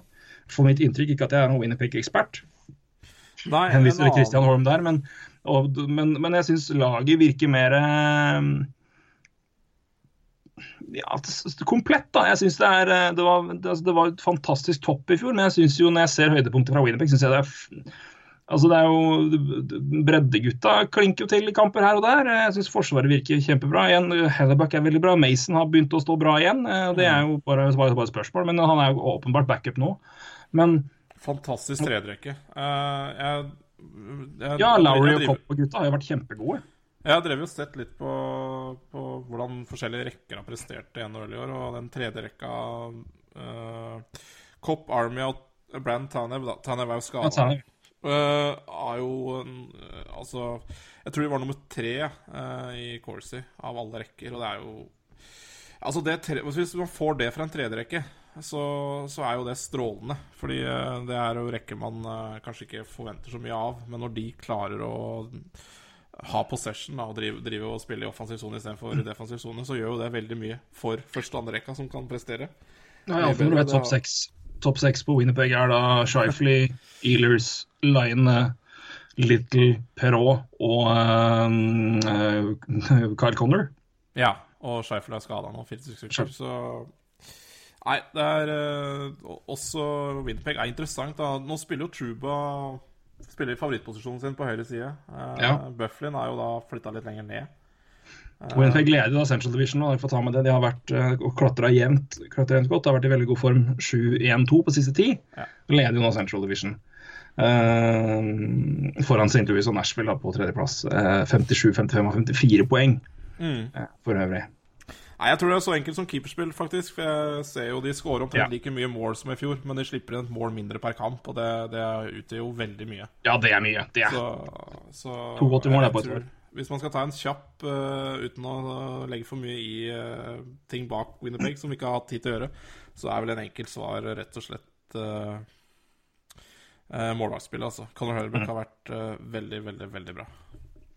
Veldig god, rett og slett. Et fint eh, bounceback-år for han, etter at han hadde litt skuffende år i fjor. og mange begynte å... Men det er litt sånn keepere, unge keepere. Du, du, du, Vasilevskij òg var jo eh, også perioder hvor han var litt shaky. Eh, det var jo grunnen til at vi var litt spent på han i år, rett og slett. Altså, han, ikke, altså, han, han viste jo ikke det her eh, i fjor. Nei uh... I år har han jo vært helt fantastisk, men altså, vi visste jo, han har jo vært omtalt som det beste keep- keepertalent i hele NHL altså, på, i mange år. men så, sånn sett, vi, vi trodde jo det kom til å bli veldig bra, men altså, han var jo også ikke helt uh, på Han hadde vist bedre takter enn han gjorde om det var i fjor eller to år før, husker jeg ikke. men eller året før, men han nå, altså, keeper er litt vanskelig å bedømme i ung alder. da. Eh, Det er ikke alle som er eh, Noen trenger litt tid, og, men, eh, og, og, og vi da varierer litt, men Hellebæk har vært strålende. og Det er jo, og det, det har vi venta på siden, vi, siden uh, Sverre Krogh Sundbø brakte han på banen Ja. i en fantasy-sending en gang. Det er i han- 2015. Det er bra han har den omtrent gratis, så det er ålreit. Ja. Uh, ja, nei, du kan jo se enkelt som på Matt Murray i år, da. Eh, Ja. Har jo gjort det ja, skralt 2,93 mål imot 90,3 redningsprosent. Det er jo fryktelig eh, kostbart for Penguins.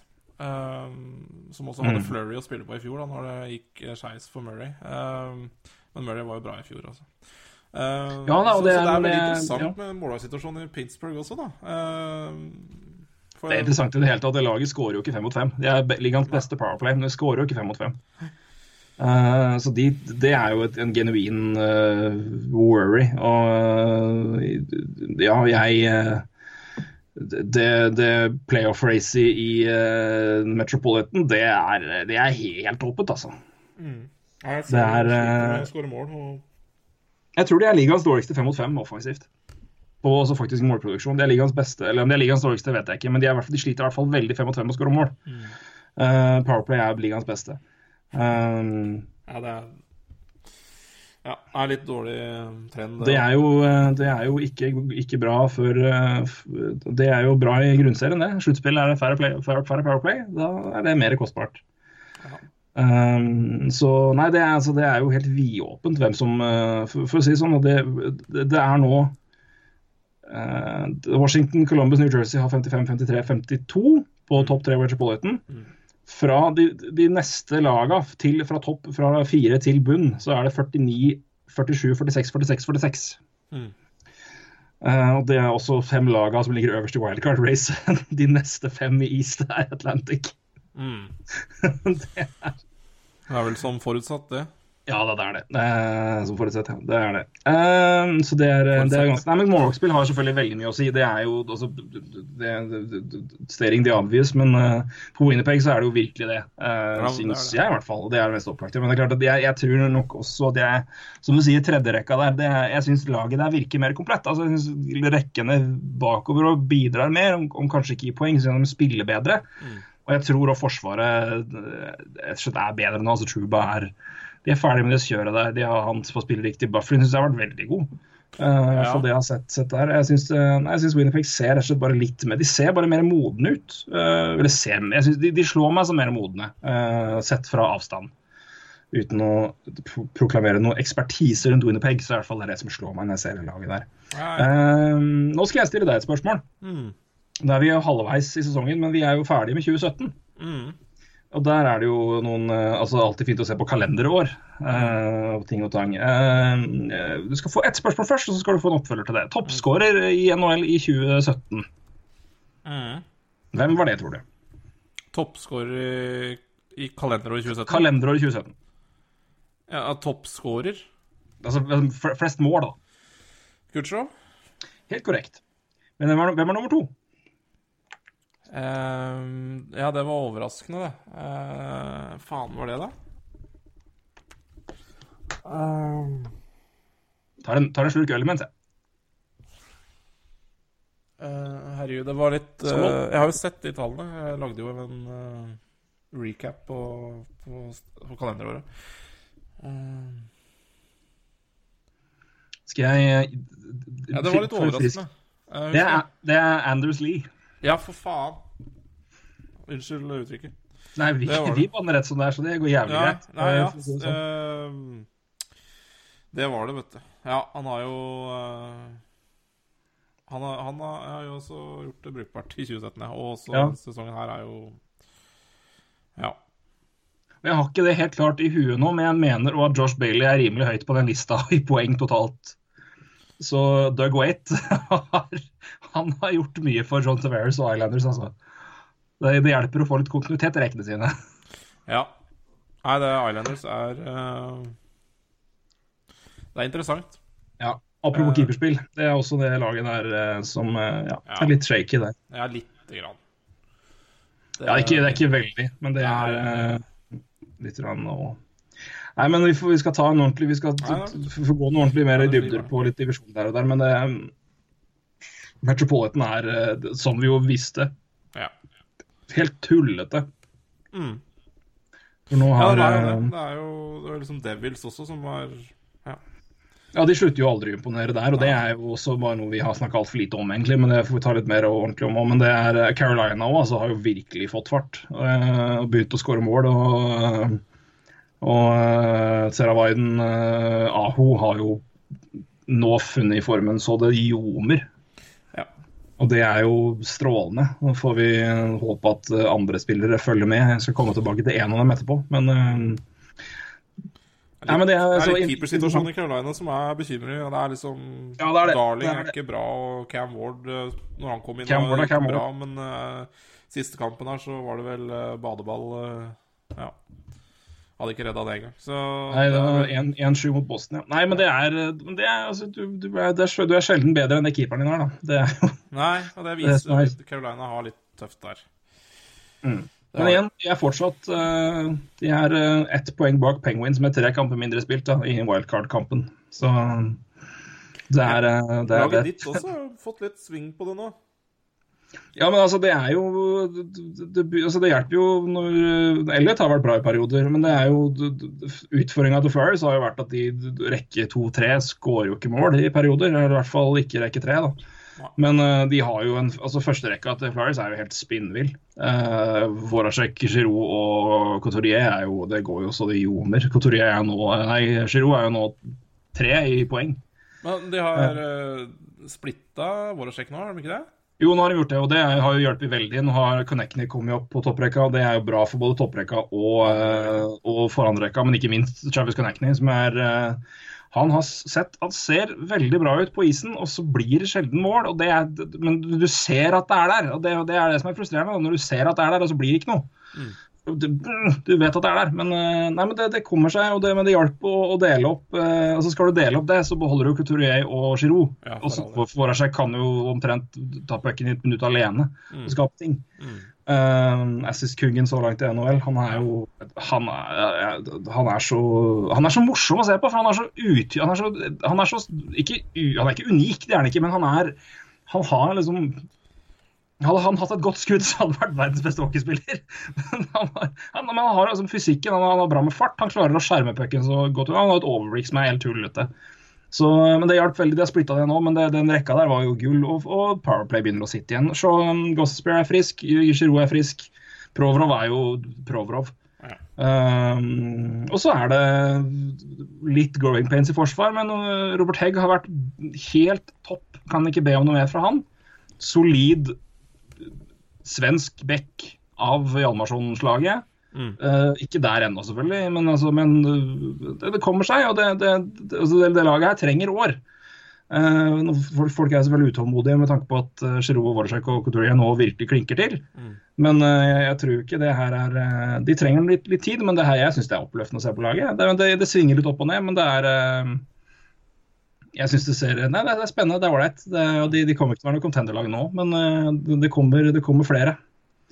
Og det er, det er, bare å se nedover. En ting er de som er i AHL av forsvarsspillere som eventuelt kommer opp, det er, men, og uh, talenter som Linn, Oskar Lindblom. Mm. Men uh, Flyers har òg Morgan Frost er jo toppskårer i OHL. De har tre mann topp fem i NCAA uh, på, på der på college-serien. De har Carter Hart. De har, så det er mye fint som kommer etter hvert. Så mm. ja. det ser bra ut, altså. Det gjør det. Så det blir spennende. Eh, ja, nå, vi, det kommer til å bli lang sending. Eh, ja, herregud. det blir mye å ta av. Eh, skal, skal, jeg, skal, jeg skal sløyfe så godt jeg kan, så du skal få komme deg i seng. Eh, så du Nei, ikke er trøtt, i tillegg til muggen på jobb i morgen. for å holde ja, fortsette. Men uh, halvveis uh, Om vi skal gå alle awards, det vet jeg ikke. Vi toucha så vidt inn, inn på, på mm, på, på Heart Trophy med McKinnon, men NHL.com uh, har hatt en liten Norris-kåring. Altså, de har hatt sine skribenter som har stemt fram Norris uh, Trophy så langt, altså mm. ligaens beste forspiller. Mm. Der ble det som, som, følger. altså De får poeng, de stemmer 1 til 5, og så er det poeng deretter. Mm. Uh, og der uh, har Drew Doughty uh, blitt tildelt Norris Trophy så langt i år. Mm fått uh, Skal vi se, jeg skal finne liksom riktig Skal vi se uh, Doughty, ja. Uh, 18 NHL.com staff members. Uh, han fikk ni uh, førsteplassstemmer. Han fikk 76 poeng av det poengsystemet. da. Hedman nummer to på 68 med seks førsteplassstemmer. Peter Angelo nummer tre fikk to førsteplass-stemmer, og PK Subhaan fikk én. Mm. Da vil da nummer fire. Skal vi se her, da. Rekkefølgen i Nei, ja, unnskyld. han uh, Subhaan var nummer fem. Han, han fikk en førsteplassstemme. Men Klingberg var nummer fire. Mm. Så altså Doughty, Hedman, Peter Angelo, Klingberg, uh, Subhaan, Car John Carlson, Morgan Riley, Roman Yossi, Brent Burns, Ryan Suter. Seth Jones, Erik Karlsson fikk ett poeng. Uh, Dougie Hamilton, Shane Gossespear og Mark Giordano. Mm. Uh, ja uh, Hva tenker du? Vi snakka litt om dette her i forkant Da var Peter Angelo vår, vår mann. Mm. Uh, uh, men Doughty har jo vært uh, kjempegod i Kings. Ja. ja. han har jo det. Um, og så er det jo Nå er, går det jo er, altså Awardene går jo som regel til en forsvarer som har mye poeng, da. og Doughty har vel ikke Ja, han har vel ikke lite poeng, men han har vel ikke topp fem av de bekkene, tror jeg. Eh, Nei, jeg, jeg kikka på dette før i dag, jeg skal finne det nå. men, Um, eh, men det er for det eh, er Klingberg. Klingberg er mest. Ja.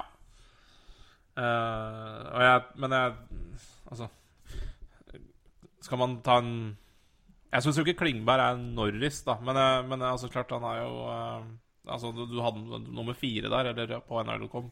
Ja. Så det er, jo, det er jo strålende. Uh, jeg bare tenker 30, 39 poeng på 43 kamper av Klingberg. Uh, Carlsson har nummer to, 33 på 42. Gossesberg 32 på 39. Doughty har 30 på 42. Nummer sju. Ja, ja, altså Pedro Angelo Om, om det er Pedro Angelo og Doty Jeg, eh, jeg, jeg syns det er Jeg synes Doughty kanskje fortjener en annen Det er jo noe med Jeg syns det er noe med også Kings sin eh, skal jeg si oppstandelse igjen. Og i tillegg så er jo Doty er jo en arbeidshest, da. I forhold til f.eks. For Klingberg. Jeg vet ikke hvor mange minutter det er forskjell der, men det er sikkert Datis har nok uh, Han har- ikke flest minutter, Sikkert for det er vel som, eh, som eh, Roy Kvattingen så elegant påpekte til oss. eh, jo, han har, faktisk, han har faktisk mer tid på isen enn Ryan Suter. Ja. Doughty har snitt- snitt 27,2710 Ja. istid per kamp, eh, og Suter har 26,50. Ja. Doughty har vel da mest flest minutter av alle per kamp? Ja. Det er han foran Suter, Erik Karlsson, John Carlsen, Ristolain, Hedman nummer seks. Ja, og jeg synes jo sånne ting er jeg, Personlig da snakker jeg liksom ikke om uh, de som stemmer her, men jeg syns jo det teller en del. Jeg, han har jo Sist jeg så, så hadde han veldig bra pluss-minus også. Jeg vet ikke hva han har nå. 20, 21, samme som Hedman. Ja, det, er, det er litt sånne ting også. Teller jo ja. litt for meg. Uh, Peter Angelo var 15. Kings har å slippe inn minst mål i hele ligaen, med 99. mm, Eh, kan si det i samme slengen med tanke på Hedman. Tampa Bay har på like mange kamper 103, så det er fire mål og forskjell. Da. Mm. Hvis vi tar det sånn, så det er ikke så stor forskjell i laget der. Um, ja. Nei, det er, det er litt tett der oppe, da. Men uh, om det er Drew Doughty, Pedro Angelo, John Carlson, Victor Hedman Slår meg kanskje som de mine favoritter. Og så har jeg jo så jeg digger John, Jon Klingberg. Uh, Mm. Det er liksom noe med Ja. Han er så det, det er så mye poeng der. Uh, jeg syns jo også han spiller bra, det er ikke det. Men det er liksom ikke Det er, det er liksom ikke Doughty og de andre gutta nei, og det er jo så faktisk Unnskyld, fullfør du. Nei. Ja, jeg trenger ikke å fullføre, egentlig. Det er, jeg bare har en Jeg syns de forsvarere som, som, de, som jeg nevnte før Klingberg, er forsvarsspillere, da. Først Ja, nei, jeg skulle si det med Dallas og, Kling, med, med Dallas og Jon Klingberg i det hele tatt. er jo Dallas har jo rydda opp i egne rekker bakover. De har jo Ja. eh, Patek Nemeth har vel gått til Colorado. Ja. Og eh, senest nå så gikk Oleksiak til Penguins i en trade. Mm. Um, han spiller der. Um, så de har jo fått, uh, få- fått uh, gjort litt utskifte i forsvar, rett og slett. Og de har jo nå sluppet inn 118 på 43 kamper. Mm. Og det er jo særs godt. De har jo en keeper som er bedre, naturlig nok. Men uh, det virker som forsvaret til Dallas sitter betydelig bedre enn de har gjort på lang tid. ja, så har de funnet, Um, en god makker til Klingberg, syns jeg. Jeg syns Esa Lindell og han fungerer veldig, veldig bra. Og så har de også fått inn en coach som er solid bak. da.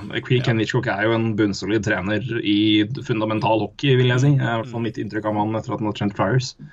Uh, og ikke minst da St. Louis, som jo var et, uh, et, et relativt solid lag, for å si det mildt, i den tida han var der. Ja. Så Nei, det er med det, så jeg Så syns har Klingberg, har- Klingberg har vært uh, altså han, han er jo eksepsjonelt primært offensiv, men uh, både han, laget i hvert fall rundt den, eh, er blitt bedre defensivt. og Det gir jo han og det, det, det smitter jo over på han. Det er bare å se på Carlsson i fjor, der hvor Carlsson plutselig ble fryktelig bedre i forsvar. Ja. og det var kanskje ikke det, det var bare at laget rundt den var betydelig bedre til å forsvare seg i tillegg. Ja. Så mm, det er klart, det, det, har litt å si, det òg. Og akkurat som i Winnipeg, en fantastisk bra tredjerekke. Ja. Faksa Vet ikke om du så Edmonton Dallas i helga, Eh, men det er eh, altså Edmonton Altså, de kjørte faksa mot Conor McDavid, og det, det funka. Og da, da, da, da har du nøytralisert Edmonton totalt. Og det Ja. Igjen eh, fantastisk tredjerekke, altså. Um, Ja, det, er, det, det er litt rart. det Dybden hjelper. Det, Ja, det gjør jo det. Altså når, du, altså når du kan egentlig nøytralisere førsterekka til Edmonton, så ja, kjør Ben og Sagan og Radlov da mot, eh, andre-tredjerekka til Edmundton, Edmonton, så får du det tøft i Edmonton da, altså. Eh, sånn er det. Altså, har du ikke dybden, så Så hjelper det ikke med Conor McDavid og Men ja, når du klarer å nøytralisere han, så Nei, Dallas også har noe på gang. Eh, jeg syns for så vidt at de varierer litt mye. Eh, det er liksom ikke er nok litt ustabilt ennå. Jeg syns jeg er jo fortsatt Jeg er fortsatt ikke verdens største Ben Bishop-fan, så Nei. Eh, jeg, altså, han er en Altså, han er, han er bra, men det er ikke Det er ikke Nei, jeg, jeg er ikke stor fan av han. Uh, Nei da. jeg Men det er klart han er en, en, en klar oppgradering i Dallas, så han er jo en eh, Altså, det, Så, men han er vel Han det var altså, han, han, han, har vel, han har vel hatt perioder hvor han har vært veldig god. Det var vel en, en stretch på ett til to år i Tampa Bay hvor han var kjempebra. Men eh, det er det med det jevne nivået hans. Der er han kanskje litt på det man kan forvente over lang tid da, i Dallas. Han har jo ikke vært hinsides bra, men han har ikke vært dårligere. Jeg har ikke sett på tallene hans, jeg, men ikke på lenge i hvert fall. Seg. Bob Bishop, ja, det var jo veldig feil. Ben Bishop. Sett på That 70 Show, ja, nå, da ble det Bob. Um, 2,51 mål imot og redningsprosent på 91,7. ja, det er helt fint. Ja, det er helt fint, men det er ikke, det er ikke sånn det er ikke, det er ikke avgjørende, sånn som mange andre lag har, da. Nei, nei, men hvis Ben Bishop stiger deg 1,91,7 gjennom en sesong i Dallas, så tror jeg du er fornøyd med det, altså.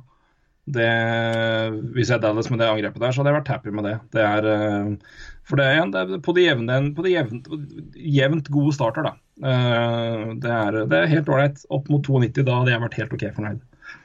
Hvis du skal, du begynne å være cup cup contender sånn virkelig eh, favoritt, så må du nok ha 92,5 omtrent. Men Ja, da enige. jeg Eller vi er men, eh, enige der, så det ja, Ja, ja, men hvis det her er Men uh, hvis han holder det her ut året, så ville jeg vært, da hadde jeg vært happy hvis jeg var Dallas. Det, Uh, Ja.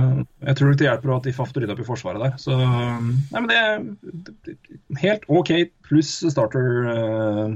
ja, og det, det er det Dallas har mangla i tre år, så det er jo veldig greit. ja. Ja. Eh, det øvrige Nå har vi tatt Norris. Jeg vet ikke om jeg har så mye å si på de andre, egentlig. Eh, Vi kan ta det hvis vi har litt mer tid til å forberede oss på det. Så kan vi ta resten av awards senere. Mm. Men eh, når NHL.com kom med den artikkelen i dag, så tenkte jeg det var greit å få med det. Én ting som vi skal ta. Siden dette ble en artikkel som ble delt litt eh, her og der, eh, som jeg syns var interessant, ja. er en ISBN-artikkel som jeg, jeg, jeg, tweeta ut dette i går, så da må vi i hvert fall ta med det. Eh, Det er Emily Kaplan, som er ISBN-journalist. eh, Som jeg mest forbinder med NFL, faktisk. Men som har gjort en, en særs interessant og grundig artikkel for NHL med NHL-øyne. Og det er jo med utgangspunktet at eh, Seattle eh, er på vei inn, eh, trolig. Ja. Og da blir 32 lag. Og hva gjør det da med, med divisjonene og symmetrien? Hvis, for det er jo nå sju lag i Pacific.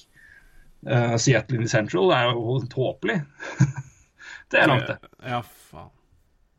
Så eh, da er det jo symmetrien som skal eh, jobbe her. Så uh, Emily Kaplan har satt seg ned, jobba og sett og, og, og delt opp i nye divisjoner med Seattle.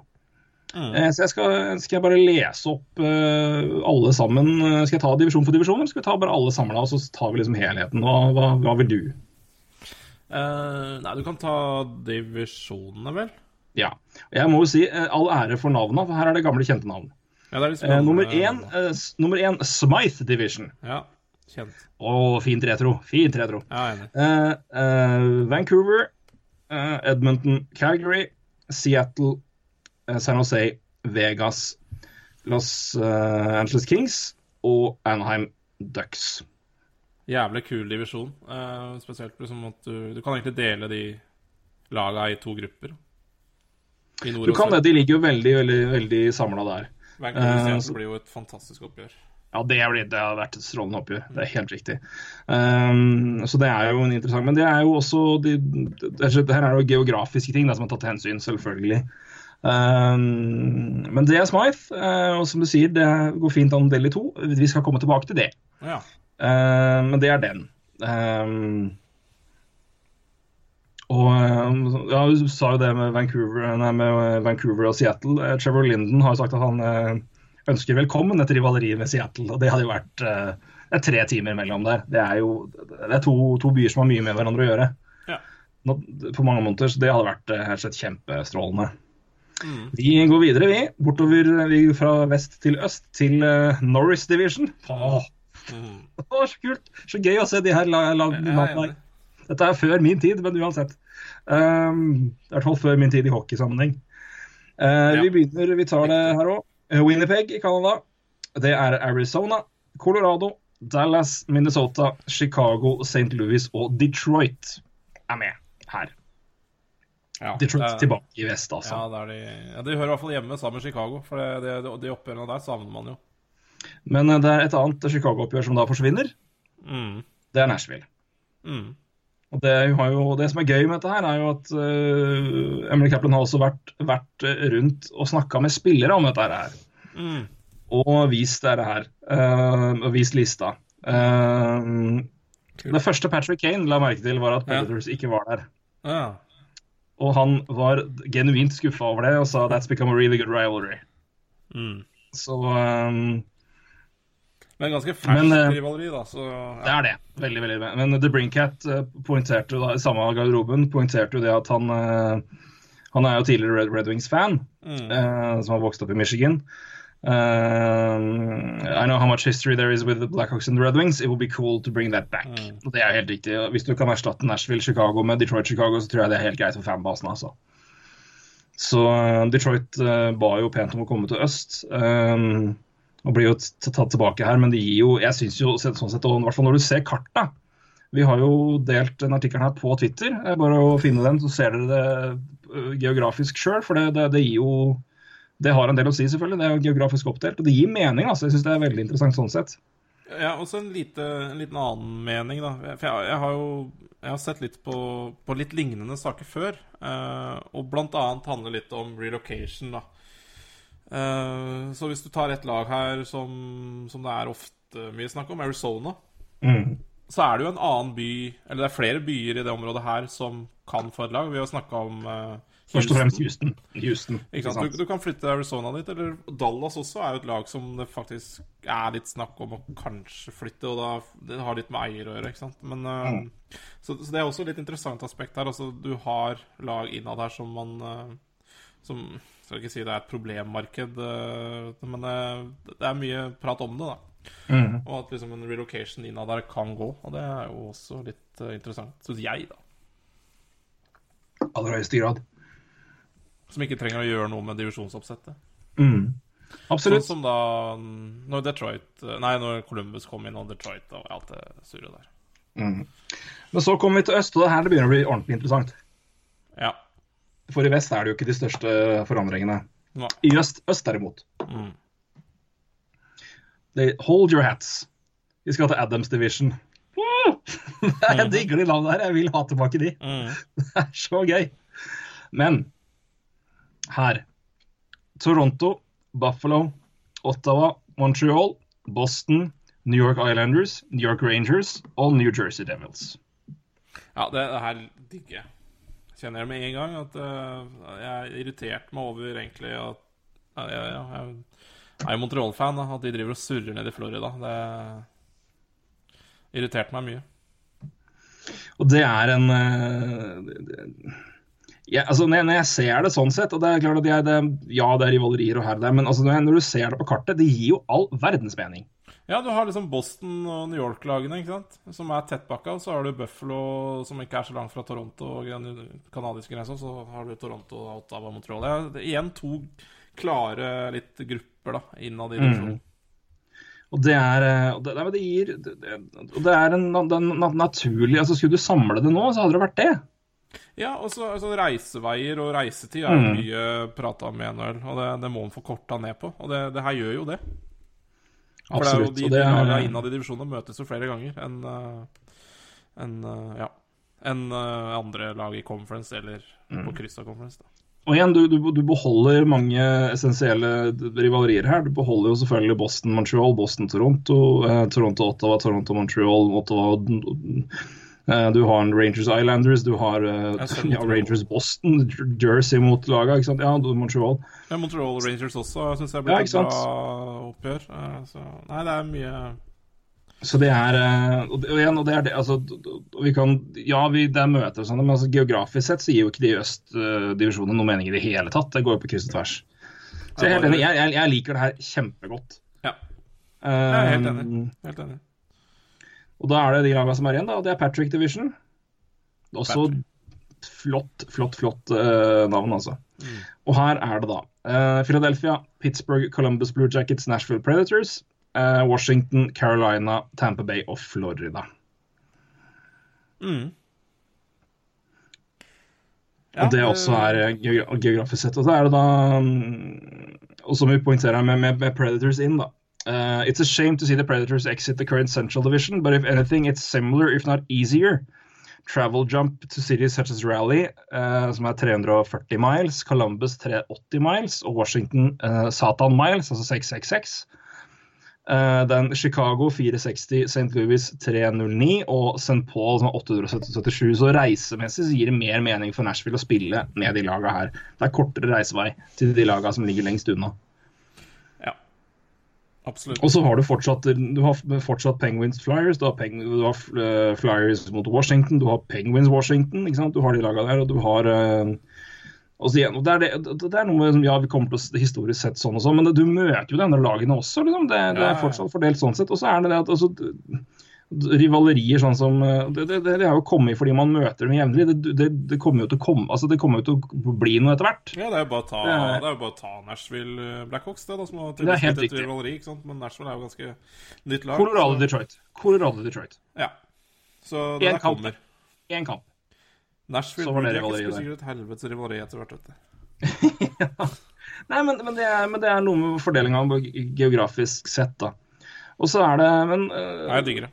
Jeg syns det er kjempeinteressant. Kjempespennende. Men, så gå inn, eh, hvis dere har lyst til det. Gå inn og se på det, for det er da markert opp kart med, altså på kart og områdene det er snakk om. Det gir all mulig mening i verden. Men det som også er gøy når vi ser på dette, og du poengterte jo det med at det er eh, fin fordeling her og der. Det som også har blitt snakka om, Mm. og som også ble foreslått til, eh, til Emily Kaplan på Twitter, som jo også syns var et veldig godt forslag, og som du har hørt mye snakk om før, er å dele det opp mer som NFL. Eh, NFL består av fire divisjoner i hver i eh, NFC og AFC, altså totalt åtte divisjoner. Eh, NHL gikk jo fra tre divisjoner i hver conference til to uh, for en, en, en stund siden. Men geografisk sett sier jo det også en kjempemening. Hvis vi bare begynner i, Ja. begynner i, i der vi starta, da, Mm. med Smythe. Mm. Seattle, Vancouver, Calgary, Edmonton. Mm. Fire perfekte geografiske der. San Jose, Vegas, LA, Anaheim. Mm. Hallo! Perfect. Så går vi videre.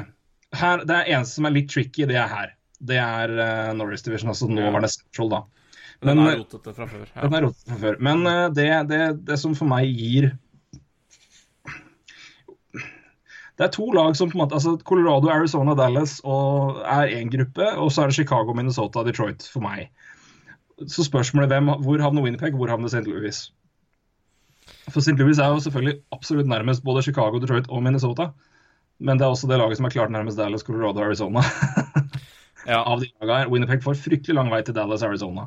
Så jeg tror jeg ville delt det på St. Louis, Colorado, Arizona, Dallas, og så hatt Winnipeg, Minnesota, Chicago, Detroit. ja. Delt i lengdegrad og ikke i breddegrad, holdt jeg på å si. Ja, du får si delt fra øst til vest, ja. Mm. Mm. Tatt det der. Ja, det gir jo mest mening i, i, eh, i hvert fall i rei, hvis man tar hvis, man, hvis reisevei er eh, eh, Er den store tingen, da. Det er klart det er jo synd å miste Chicago St. Louis, eksempel, men Ja, men igjen, det det er også et nytt rivaleri, fordi de har laga vært gode og møttes nå. Altså, ja. si på 90-tallet, jeg kan, kan ikke se for meg at det var så fryktelig intenst rivaleri mellom Blues og Chicago, for å si det sånn. Nei, Uten nei å eh, snakke med ekstreme historiske rivaleriferdigheter om de to der. Men, altså, det, det, er, men det, er ikke, det er ikke store rivalerier det er snakk om her, Nei, det er ikke det. eh, sånn sett. Så det, det gir jo mening der. Men så skal det jo møtes også. Altså, det er jo ikke snakk om at Ja, ja, ja. å møtes. Så, nei, jeg er enig. Jeg ville gjort det sånn også. Så, fordi det, det mister litt uh, si, litt stingen i hvorfor du skal gjøre det sånn, da, hvis Winnerpeg fortsatt skal ha den, eh, Reiseveien. Den forbanna veien der. Jeg er helt enig. Og igjen, som vi prata på med når vi er på Adams, da, eller altså nye Vi kaller det Nordøstdivisjonen. Mm. Da flår Toronto, Ottawa, Montreal. Hei igjen. Ja, det ble helt rått. Boston, New York Islanders, New York Rangers, New Jersey. Ja, fantastisk. Det er strålende. Ja, og de møtes igjen, jo flest Nei, det, nei, jeg, nei. jeg tror NHL kommer til å gå den veien her, men uh, ja. Og så samme, samme her. Neste, Mm. Carolina, Nashville, Tampa Bay mot og Florida. Mm. Og så Columbus, Pittsburgh, Philly og Washington. Ja. Ja, det gir all mulig mening. Mm. Jeg, ja. Det er, eh, jeg syns det jeg tror er det går den veien òg, jeg, altså. Ja, jeg synes det er helt strålende. Helt, jeg, hvis det her endrer, jeg kan, jeg kan forandre det her i neste år. I hvert fall til de, de, de firerne her hadde vært helt perfekt for meg. Det, jeg har gjort, gjort meg noen ting. Nei, jeg er helt, helt enig. Ingenting. Jeg er helt enig. Og fordelinga om de tar det i fire eller åtte. Jeg syns åtte hadde vært interessant. Eh, og så er det hvordan det løses med det. Og det beste av det eliminerer jo wildcard. ja, det gjør ikke det heller, for du kanskje har to Du har et par, en par igjen her og der, men, men, det, men det, det, det, jeg syns det er veldig interessant. Eh, det er klart at det, ligger jo Seattle, eh, krav om Seattle der, men at var to- 32 lag inn. Ja. Men uh, det her gir for meg all mening i hele verden. Jeg syns det er et kjempeforslag. Og en veldig god, grundig artikkel. Så gå og les den, og se, og se det sjøl. Det er mitt, eh, min anbefaling til dere. Så uh, jeg syns det var veldig grundig, interessant. men den er ikke lang, faktisk. Altså, den, Den er er, uh, ja, kjempeartikkel. Så den er ikke, det er ikke mye tekst. Nei, men igjen, du har det visuelle, og det forklarer det meste. Ja, er liksom, pre Premisset er lagt i toppen, og så har du reaksjoner og et par andre ting om hvorfor man har de, hvorfor man har sånn. Eh, hvilke rivalerier man ville beholde, og alt sånt der. Men igjen, det er eh, primære altså, Rivalerier kommer ved altså, det kommer og går, det. Det, ikke, det forsvinner ikke altså år med historie. Det blir ikke mindre viktig hvis man møter, møter hverandre fire ganger i løpet av et år, og ikke åtte. Og møtes i en finale, ikke en conference-semifinale. Mm. Uh, gjør meg ingenting. Nei. Nei, Absolutt altså, det gir eh, Altså, veien videre, da, altså i sluttspill, altså gir jo mye mer mening hvis man kan uh, Ja, få få to lag fra hver uh, divisjon videre, eller ja, Nei, jeg vet ikke hvordan de skal gjøre det. Men, Nei, altså, Hvordan de løser det, er jo, det får vi, nå, får vi nå se. Men om det blir en altså, Hvordan det gjøres. Men det, det er iallfall en det uh, blir mer ryddig, i hvert fall. Ja, jeg, jeg håper det. For jeg synes sånn som det er nå, så er det ja, Jeg er ikke noe veldig fan av wildcard-ordninga. Ja, den, har, den har vokst, den har krympa betydelig på meg, for å si det sånn. Ja, nei, altså det, det, er jo, det er jo vanskeligere å følge med på NHL da, for en fyr utenifra skal ta, ta de wildcard-greiene i betraktning i tillegg. Mm. Så syns jeg, da, eh, for å tenke liksom For folk som ikke følger det her veldig tett, så er det Ja, og så er det jo der, der nå hvor du Altså du, får, får vi så klart det er vanskelig å se utviklinga, men altså, det kan jo faktisk være at i, i visse tilfeller, hvis divisjoner blir veldig, veldig det skeive nå er jo Atlantic Ja. på vei til å bli det, det er ikke helt fucked ennå, men altså det kan jo faktisk være at det laget som blir nummer én i en divisjon, faktisk taper på å møte, det lag, møte et lag i wildcard fordi den andre divisjonen er så knallhard at det laget ble nummer fem Mm, i wildcard, eh, altså, og ble nummer to wildcard-lag. mm. Eller, eller nummer én, da, hvis det, hvis det laget nummer én i Atlantic eksempel, hadde dårligere total po po poeng enn det som vant Metropolitan. Ja. Så Nei, men jeg syns det her er et kjempeforslag. Jeg syns det er uh, utrolig bra. Så, men eh, gå og les det og se det sjøl, for da, da gir det mye mer mening. Eh, men det var absolutt. Vi delte den i går. Jeg ligger på vår Twitter-profil, på vår Twitter-konto, så stikk dit. Stikk dit uansett. Ta en titt, eh, følg med om vi sier et eller annet. Si hei. Det er også veldig koselig. Ja, Eh, så, eh, men ikke minst se den der, for det syns jeg var gøy. Mm. Yes. jeg tror vi bare går rett på, på Twitter-spørsmålet som vi fikk, ja. og så begynner vi etter hvert å runde av. Ja. Skal, skal jeg Nei, jeg kan ta én, fordi vi snakka vel faktisk kanskje om å snakke om det uansett, mener jeg. Eh, altså, Ivar Mogstad spør hvilken stjerne har underprestert mest? Og har Ja. nok best av Bayvik Eh, det siste er vel Ja, det er jo ikke rare greiene du får gjort i Bayvik det er vel å slappe av og dra til eh, Bahamas. Det er vel det du får gjort. Men eh, Det er sikkert noen som trenger det òg. ja, Eh, nei, men, eh. Jeg har notert meg to. Jeg nevnte én. jeg, jeg, jeg trekker det, for vi, vi snakker stjerne. og Jeg vil ikke si at Viktor Rask er en stjerne, men Viktor Rask har ikke vært god. Nei. Uh, Victor Rask har vært rett og slett ganske skuffende uh, på et Carolina-lag som har jo begynt å gjøre det ganske bra. uh, så vi forventa litt av. og, men Victor Rask har nå holder jeg, jeg tror han har 13 poeng jeg, så langt i år. Og så har han vært det er- dårlig stemning. Ja. Stjernene har- er jo å ta hardt i, da. Men det sa du sjøl. Så jeg, jeg, jeg, trekker den på Ja. det, men jeg har Skal vi se hvor jeg hadde den her. Jeg tror han er, han er faktisk nede på Herregud, hvor er du hen? Nei, samme det. Eh, men han har ikke vært, eh, han har vært langt ifra strålende, i hvert fall. Det er er ingen tvil om.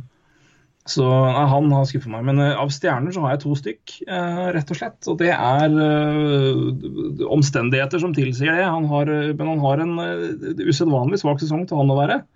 Garantisten for 30 mål, Max Pacioretty, Mm. det, den, eh, den, er, eh, den er lei, altså. Eh, det er også en grunn til at det snakkes mye om trade. Du kan jo utdype det mer etterpå, du. Ja. altså, eller etter jeg har prata nå, jeg vet ikke om han er på din liste, det aner jeg ikke noe om. Men en annen er Brendan Saad. Mm. Ja. Eh, også mye pga. traden som skjer eh, i sommer, med Panarin andre veien. Saad begynte kjempebra og har vært kald som en ja, dypvannsknurr siden. Eh, Iskald i det hele tatt. Han har vel 20 poeng Mm.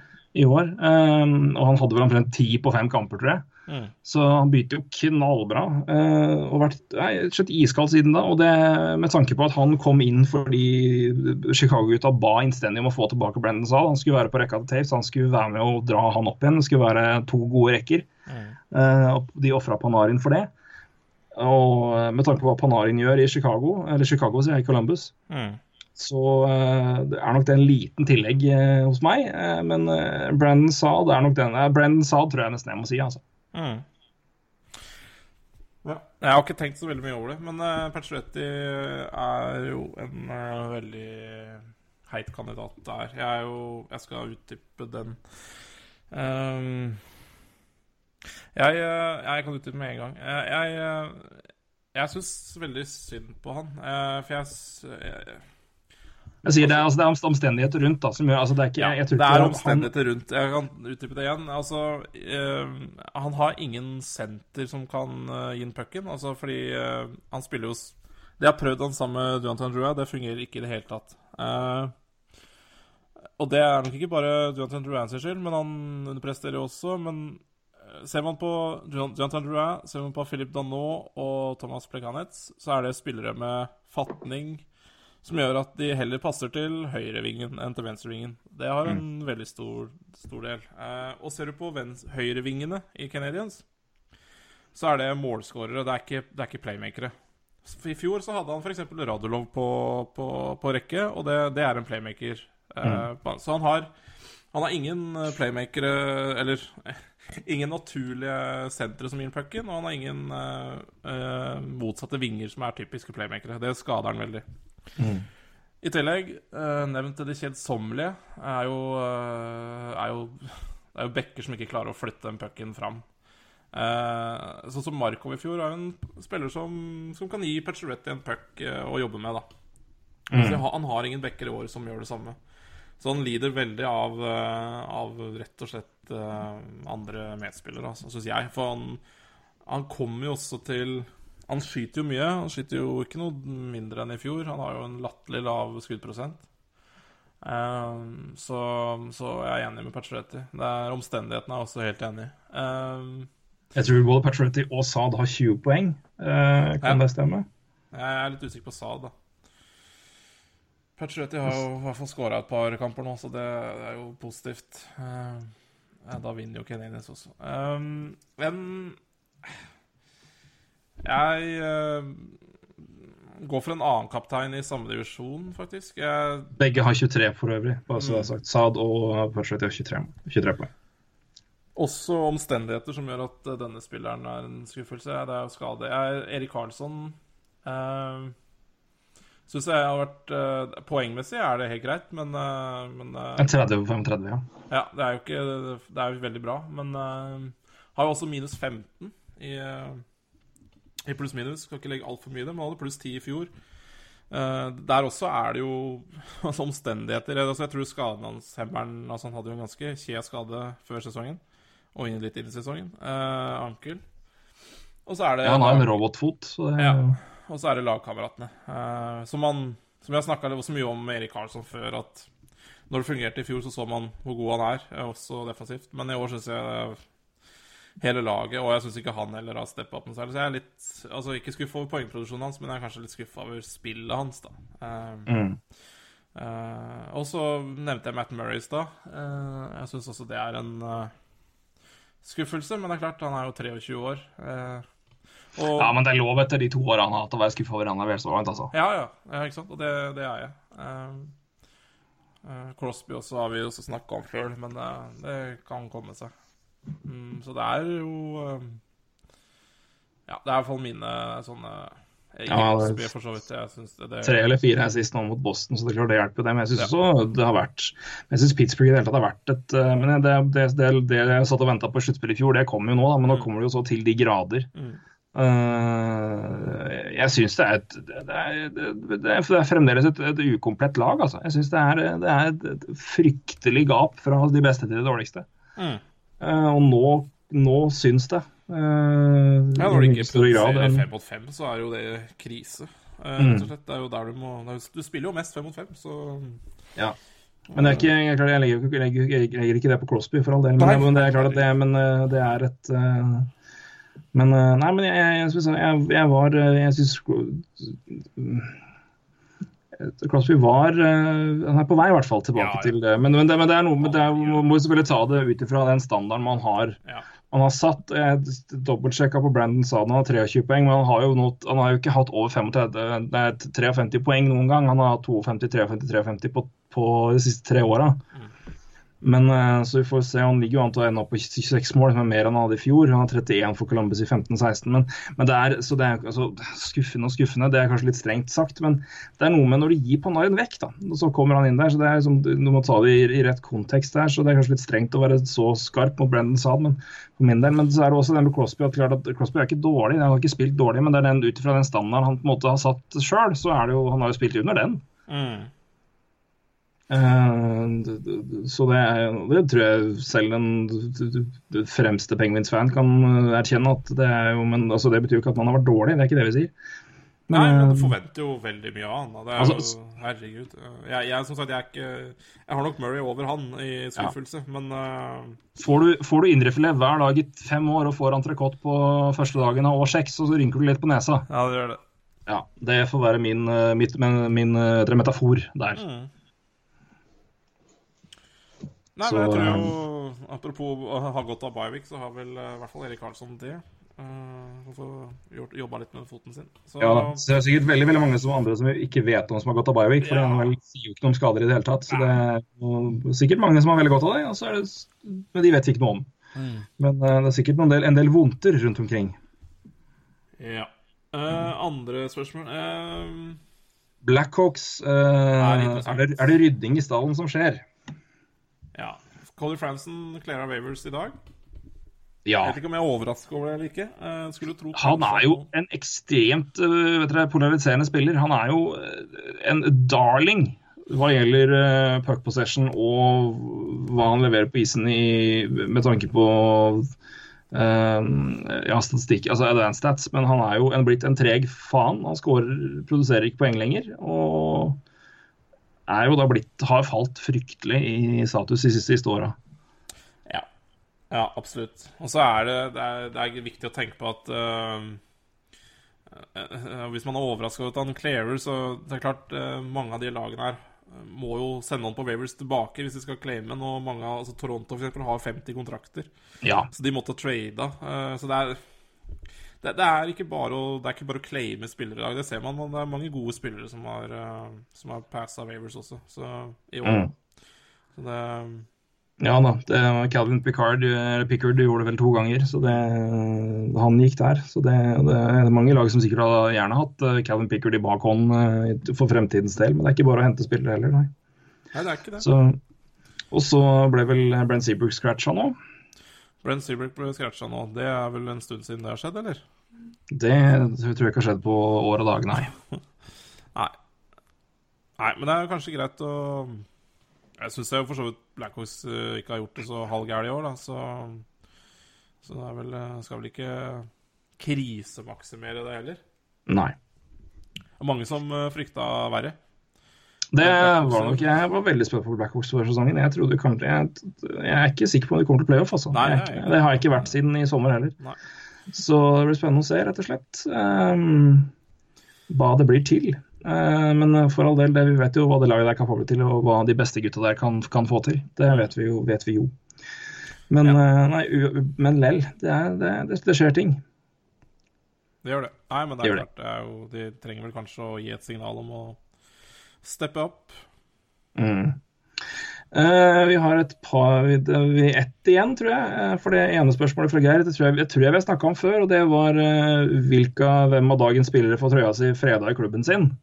Ja, Det tror jeg vi har sagt før. Jeg tror vi har hatt en bit på det. Dere får eh, gi beskjed. Ja, Vi mener begge to det, uten å være helt sikre. Eh, det er godt hende vi har diskutert det på nachspiel og på konjakk.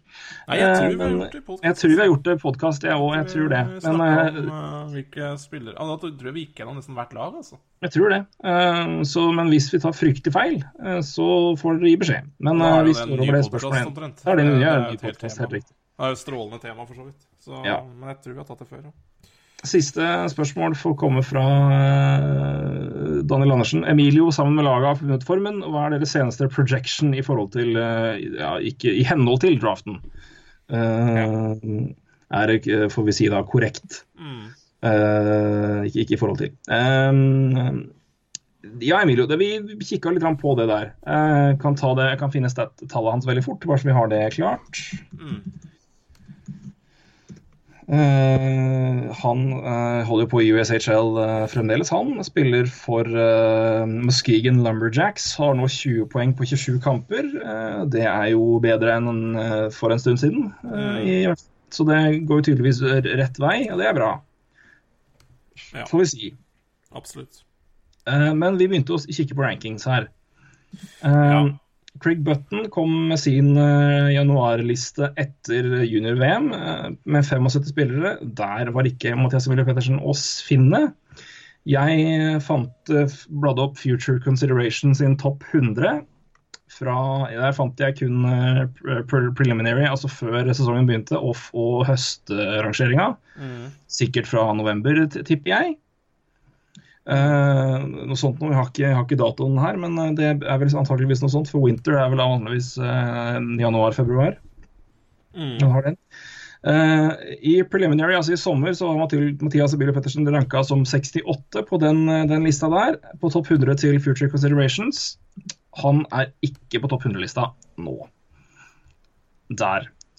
Og vi var jo også inne på thedraftanalyst.com, eller du var der, og jeg fulgte blindt med deg fordi du har peiling på sånt. Mm. Eh, Ja. Og så topp 500-lista som kom ut nå i dag, da. Uh, Ja. etter, etter World Junior Championship. Topp 500, der var den på lista. Det er jo godt å vite. Mm. uh, Men hvor, Roy? 105, var det det? 108. Eh, 108 var det. Og Draft Analyst hadde den som 35 før sesongen. Eh, og jeg har hørt eh, Steve Hva kalte han? Steve eh, Det er fryktelig etternavn eh, på den gutten. Steve Grekernavn, får vi si. Ja, Steve. Steve, Steve um, Corniansos. Ja, hørtes bra ut. Uh, har jeg jo hørt prate om Emilio Pettersen før uh, i diverse podkaster.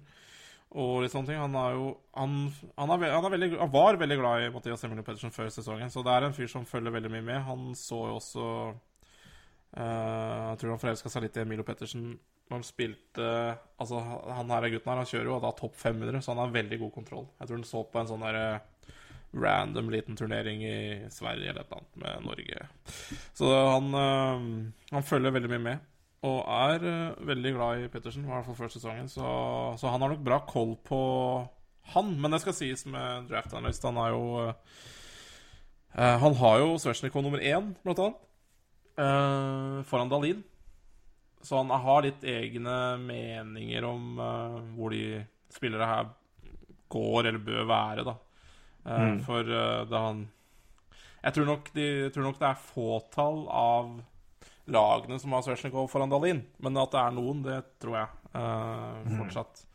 For det, ville være eh, Jeg veit da blant annet eh, litt av argumentene til eh, denne karen og, og Svesjnikov fra Andalin er jo blant annet at det er jo en, eh, det er jo en, eh, altså en forward da mot en back, og ja, det er litt mer sexy å drafte en forward, og det er kanskje det som kan gi litt mer Ja uh, uh, Hva skal jeg si uh, Bikker hans fordel, da. Ja, ikke sant? Uh, så, så han har litt sånne preferanser, og det er jo for all del lov.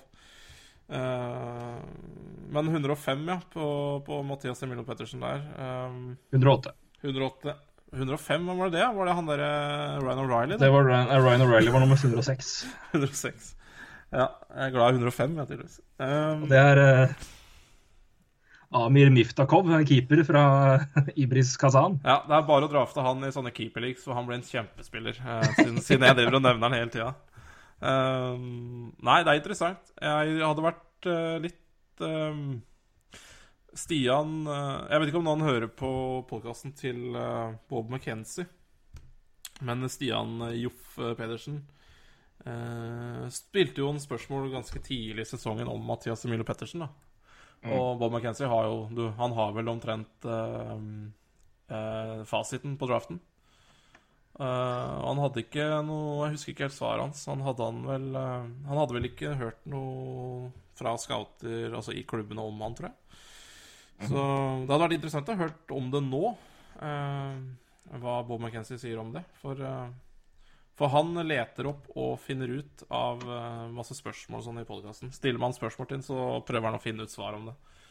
Ringer eh, scouter og klubber og alt mulig. Så det hadde vært interessant å høre Bob sine tanker der nå, men eh, det skal vel litt til å få spørsmålet hans inn der, da.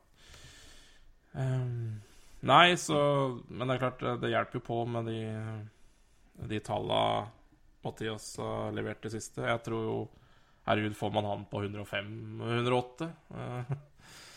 Uh, går han forbi Ryan O'Reilly, så blir jo det Eller forbi Amir Miftakov, som din, din nye keeper- keeperyndling. Jeg har tenkt mye på det, for det, det er altså Jeg tror jo Altså, når han, når han gjorde det svakt, så håpa jeg jo liksom at det er en eller annen klubb som har uansett fulgt han lenge. Eh, Eller i hvert fall Ja. året år eller to, da, som uansett har troa på han. Jeg tror jeg, Og det, det er enkelte klubber som har det sånn, som følger en, et prospect nærmere enn andre. Eh, Det er jo en Ja. grunn for at det kommer overraskelser, kanskje, men som slår til i ja, både seint første og andre runde. Ja, jeg kan si det. Uh, Draft Analyst hadde Mathias Emilio Pettersen nummer 35 i september. Mm, sant? Så han har falt med 73 plasser, da. Ja. Det er betydelig. Derimot Ryan O'Reilly har klatra fra 315 til 106. Ja, det er kjempespiller. Er, eh, er det noe kjent med det navnet? Litt Er det? Det er, noe, det er også noe veldig kjent eh, med, med navnet, altså nesten, men det er, så, det er så nære at man må tenke på det. En annen som har ramla nesten like mye som eh, Mathias Emilio, fra 38 til 101, eh, er Nico Grås. Ikke Rico Grås, men Nico Grås. Ja. Så eh, det er, eh, Rico har tydeligvis vært i Sveits og gnudd på en liten kid, og eh, døpt den Nico. Så han har truffet blink der, så å si. Så Nei, men det, det, det måtte, bare ta med han. Mm. for, for nære den tyske skiskytteren til å ikke nevne. Nei, men Emilio er da rangert eh, 108 her hos Draft Analyst. Han har falt ut av Future Considerations og er ikke på Buttons liste. Men hvis formen fortsetter å peke oppover, så klatrer han nok utover våren. Uh, men Sikkert ikke på bøtten Button sin liste, men det er en helt annen det, Han er glad i svære spillere, for å si det sånn. Eh, Ja. Er ikke noe Jeg er ikke stor fan av han, men han har peiling på den driver med, han òg. Ja, da, han har det. Han er, eh, men han som sier han, han, liker, han liker fysikk. Han det. Korrekt. Det har vel ikke Mathias så veldig mye av, da. Nei, det har han ikke. Jau. Eh, vi skal eh, si takk for oss, men før det så har vi faktisk en konkurranse. Ja, jeg bare Ja. Jeg bare Eller skal du ha noe først? Ja, jeg har lyst til å si litt om eh, Ja, Kjapt spørsmål fra Philip Hammerlund Las Vegas og hva de kommer til å gjøre framover. Trades. Det skal ikke trades der. Uh, Nei, vi har ikke touchdown på Vegas, men jeg tror de holder seg ganske jeg tror de, jeg tror de holder seg Jeg tror ikke de henter inn noen, jeg tror ikke de trader så mange heller. Nei, jeg tror McPhee sa noe om at uh, han, han gidder ikke å ta noe om det nå uansett. Han kommer til å se hvordan det er på trade deadline. Uh, Ja. det, det, han gjør, gjør i hvert fall ikke noe nå. Uh, som, da er det i hvert fall litt framtid i det, ikke, ikke kort tid. Ja, med et lag som har vært kritisert for å ha for mange spillere i stallen, så er det ikke noe vits å legge inn en tredje med en ny spiller der når det går såpass bra. Det gir jo ingen mening for det. Ja. Nei, det jeg egentlig skulle si var at eh, Nå slipper vi jo egentlig å prate så jævlig mye om Tapper Bay Lightning, for nå er det jo egen podkast om det på norsk også. Ja. Ja. Og det trenger vi, fordi vi prater veldig mye Tapper Bay Lightning. Vi er omtrent en Tapper Bay Lightning-podkast, vi også har vært. Så Har vi slutte med det. Uh, Daniel Andersen uh, hadde en episode her i forrige uke med et kvarter. Han skal vel kjøre, kjøre litt korte episoder. Og det jeg liker eh, ved første episoden, blant annet, er at det er eh, eh, det, det, å, å høre en episode kort om ett lag, det syns jeg er litt interessant. Fordi jeg følger jo ikke så mye med på Tamper Bay Lightning at, uh, at jeg har innside der. Og det er litt ålreit å høre det på norsk. Og eh, jeg håper han fortsetter med I første episode så snakker han litt om uh, Sergasjev. Han tar sånne temaer, og det er litt uh, interessant. Så jeg håper han kjører litt sånne Hva skal jeg si? eh, sånn- Spesifikke ja, doku Ja, sånn spesifikke tema for Tamper Bay Lightning. Det håper jeg må bare fortsette med, for det, det syns jeg er kjempeinteressant. Ja. Eh, så en shout-out der. Eh, Bolts eh, Nordic, Nordic. På, på Twitter og på Sikkert på Soundcloud og på iTunes. Så hør på det. Så mm, det anbefaler jeg. Jep. Apropos den mannen der òg, så har jo han vært så snill å donere en premie til oss. Ja. Han jo, skriver jo litt i Games Reactor og litt sånne ting, så han har jo litt innsidefolk og med spill, eh, spillverdenen, og det er hyggelig. Og det har da dryppet på oss Men får meg en premie vi kan gi bort. Og den er Det kan du, få- du, du få dele. Ja, det er jo eh, franchise eh, hockey manager, da. Eh, Spiller ingen rolle om du har det på Mac eller PC. Eh, Du får en nøkkel som eh, gir deg tilgang til spillet. Rett og slett FM for, eh, for hockey. Ja. CMFM CM-FM for hockey. Jeg har ikke spilt den nyeste utgaven, eh, kom i oktober, men uh, hørt uh, relativt mye bra om det. Jeg har ikke spilt siden Eastside Hockey Manager. Så langt tilbake er jeg. Det er, Ja, det er vel eh, samme det- gjengen, er det ikke det? Som gir ut. Men Det er eh, da, de, de godt har mulig. gjort litt uh, nye ting. Det ser omtrent ut som eh, FM eh, på hockey, altså. Så eh, Det bør være mat for eh, mange her. Jeg eh, fikk veldig lyst til å kjøpe det sjøl, men eh, gleden med den konkurransen her er at da, da slipper du å kjøpe, da kan du få. Da kan du få. Eh, og du bruker mange timer på, på å nerde der. Absolutt. Eh, Og er det noe du får, får god eh, spillerkunnskap av, så er det sånne spill. Ja, jeg har lyst til å kjøpe det sjøl, men jeg har jo ikke tid til å spille sånt lenger. Så det Jeg har for lite tid, rett og slett. Men Ta en eh, time eller to på kvelden vet du, oppe i Sørreisa, så blir det bra. Da blir det eh, Stanley Cup til eh, Montreal i 2020, tenker jeg. Ja, herregud, så stusslig å spille med Montreal. Det er jo, det er jo null prospects. Det er jo bare rør. Nei, det er så kjedelig å spille med. Ja, men da må du på over trade-aten, vet du. Det er bare å jobbe. Ja, det gjør jeg, ja. Da, da må det jobbes, altså, hvis jeg skal Jeg klarer Jeg kanskje får ta utfordringen, da. Jeg får vinne premien sjøl, men det gjør jeg ikke. For jeg veit hva, hva, hva, hva konkurransen går ut på, for det skal du si nærmere om. Og jeg er veldig dårlig på sånn, så jeg kommer ikke til å vinne Ja. uansett. Jeg, eh, vi tenkte jo litt på hva vi, hva vi skulle ha konkurranse på, da. Eh, quiz blir liksom det er Google der ute, så det er ikke noe, det er ikke noe stas. Eh, jeg tenkte på eh, om dere skulle dele de beste reaksjonene dere har hatt fra eh, partnere eller andre som har overhørt oss mens dere har hørt på, og da komme inn noen kommentarer. Det hadde vært interessant å vite.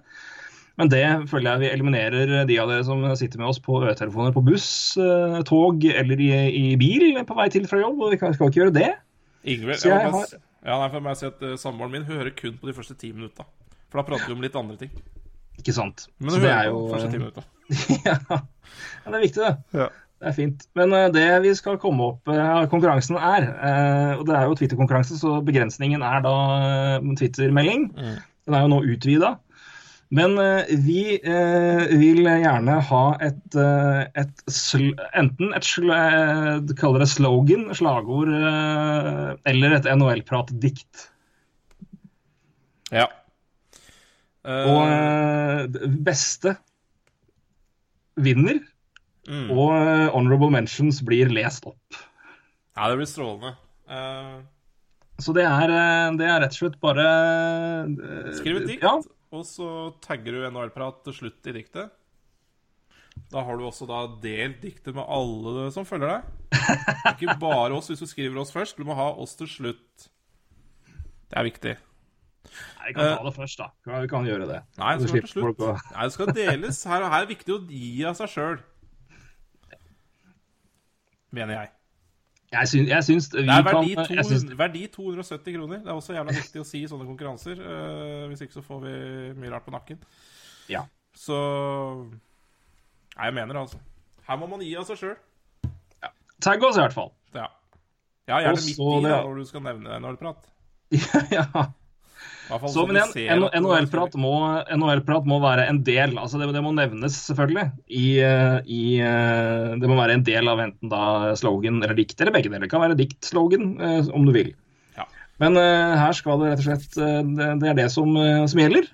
Uh, og um, noe tidsfrist på dette her. Folk hører jo på oss litt sånn her og der, så jeg tror vi skal, la, skal få litt tid, tror jeg. Et par uker, tror jeg. Ja, jeg tror vi skal gi det noen uker. Så eh, vi kommer til å gi oppdateringer på deadline på Twitter. Mm. Det spørs hvor mye som ramler inn. Altså, så ramler inn ti, liksom, så, så blir det kanskje kortere deadline. For da har vi Ja. litt mer å jobbe med. Vi ser, vi ser hva som kommer, rett og slett. Men igjen, eh, ta på eh, alpelua og Nei, det eh, kan bli koselig. Altså. ja, og finn, eh, finn fram Ibsen-brillene og pennen og eh, ja, eh, dikt, dikt fint, dikt godt, så blir det hockeymanager på deg. Og så får du starte Kanskje det, det blir inngangen på en podkast. Det er diktet. Da får du det også. Da har du, da har du skjønt med en gang at du har vunnet, da. Eller ikke. Så, men det er, tror jeg er ålreit. Kanskje, kanskje opplest, kanskje opplest av din bror? Det kunne gått, vet du. Ja, det hadde vært fantastisk. Med fin hockeymusikk. Det hadde Ja, vært helt ja, ja. Det nå snakker vi, nå snakker vi. Dette blir bra. Dette blir bra. Men igjen, dikt, slogan, hva enn du vil, uh, innenfor eh, den, denne sjangeren der. Eh, Twitter-melding er begrensninga i uh, Det blir ikke novelle her, uh, men nå er det jo 280 tegn, så da er det bare å kjøre på. Bør være mer enn nok. Tagg en prat og være med i konkurransen om, eh, om en eh, om, eh, ja, hva heter det? Hockey-hockey-manager? ja, det heter franchise hockey. Franchise hockey manager er det, vet du. FHM4. Ligger på Steam, da. Så det er Her er det bare å kjøre på. Så skal vi gi oppdateringer underveis på når fristen går ut. Mm. Så følg på Twitter. Det gjør jo mange av dere uansett. Så nei, men gjør det. Så eh, skal vi gleder vi oss til å få gode forslag eh, og fine forslag inn. Eh, Kan man komme så mange forslag man vil, eller er det Må du holde Nei, jeg, jeg, jeg føler det blir ett et per. per. Så da må du jobbe, da må du Eh, jobbe, må hardt jobbes med ett, hardt. da. Mhm. Så ikke liksom bare slenge ut ett, og så slenge ut ett seinere, for da, er det første som gjelder. Her er det bare å ta seg en kveld. du. Ta knekken, ta, ta, et, ta et glass rødvin. Tenn et stearinlys og kom i god stemning. Mm. Så er det, da, da snakker vi. Da, da, blir, da blir dikting på høyt nivå. Strålende Og med det- forslag. Altså. Ja, med det så uh, lar vi kreativiteten flyte fritt der ute og sier takk for oss uh, for første gang i 2018. Ja. Ikke siste. Ikke siste, langt ifra. Langt ifra. Det er mye hockey å snakke om uh, både ja, vår, sommer, høst, vinter. Alltid. Det er bare en snau måned til deadline day også, så Det skal vi selvfølgelig snakke mye mer om òg. Alt det? sånt. Ja, det det. Det kommer Jeg sjekka, er det i slutten av, slutten av februar, tidlig mars? Ja, det er vel det. Er det, er det så Ja, det er vet du, for det er vel All-Star Weekend i slutten av januar. 26. februar. Mandag 26. februar. Ja. og Litt over en Og vi skal, vi skal selvfølgelig snakke mye mer om det etter hvert som det kommer. Mm. Nærmere, nærmere oss det. Og vi skal, eh, så alt sånt kommer, tar vi jo når det nærmer seg. Mm. Uh, og det blir mer enn nok å snakke om i mellomtida. Så det. Mm. Så eh, nei, godt nyttår, folkens. Eh, Godt nytt hockeyår, godt nytt NHL-år. Og eh, godt nytt NHL-pratår fra oss, da, får vi nesten si. Og eh, hvis det er noen som føler at de må, ikke har noe nyttårsrett og ting de vil, ikke, ikke har fått gjort ennå, som de vil gjøre, så sving innom iTunes, da. Ja. Sleng inn en rating, sleng inn en kommentar. Hva enn du måtte føle. Det er trenger dårlig. alltid. Det er bra, det. Så eh, gjør det. Stikk på iTunes, gi oss en liten kommentar. Stjerne eller fem, kan du bestemme sjøl. Så eh, blir vi glade uansett. Jeg, jeg, ja, det er interessant, uh, apropos de reviewsa i iTunes. Det er jo det er en som har gitt oss én stjerne, men jævla god kommentar. Interessant. Veldig sånn Ja, ja men det er greit, det. Han angra veldig, trykka stjerne, og så bare Nei, jeg er kjempe. Ja, nei, det er kult. Uh, men det, det, det, det, vi takker for alt, vi, så det spiller ingen rolle. Det eller så var det en fyr som var veldig positiv, og så bare kom på Fader, jeg prater jo bare om Toronto Maple Leafs, er en Ottawa-fan, eller Boston-fan, men nei! En stjerne. Eller Florida-fan av absolutt altfor mye om Tampa Bay. Fins de? Nei, ser ikke sånn ut. Nei, gjør ikke det. Takk for Vi leter i 2018 vi leter 28 til Florida-fans. Det får også være andre, andre, andre forsettet. Takk for nå. Takk for vi prates eh, snart, vi. Det gjør vi. Ja da. Hei. Så diktig vei, folkens. Hei. Hei.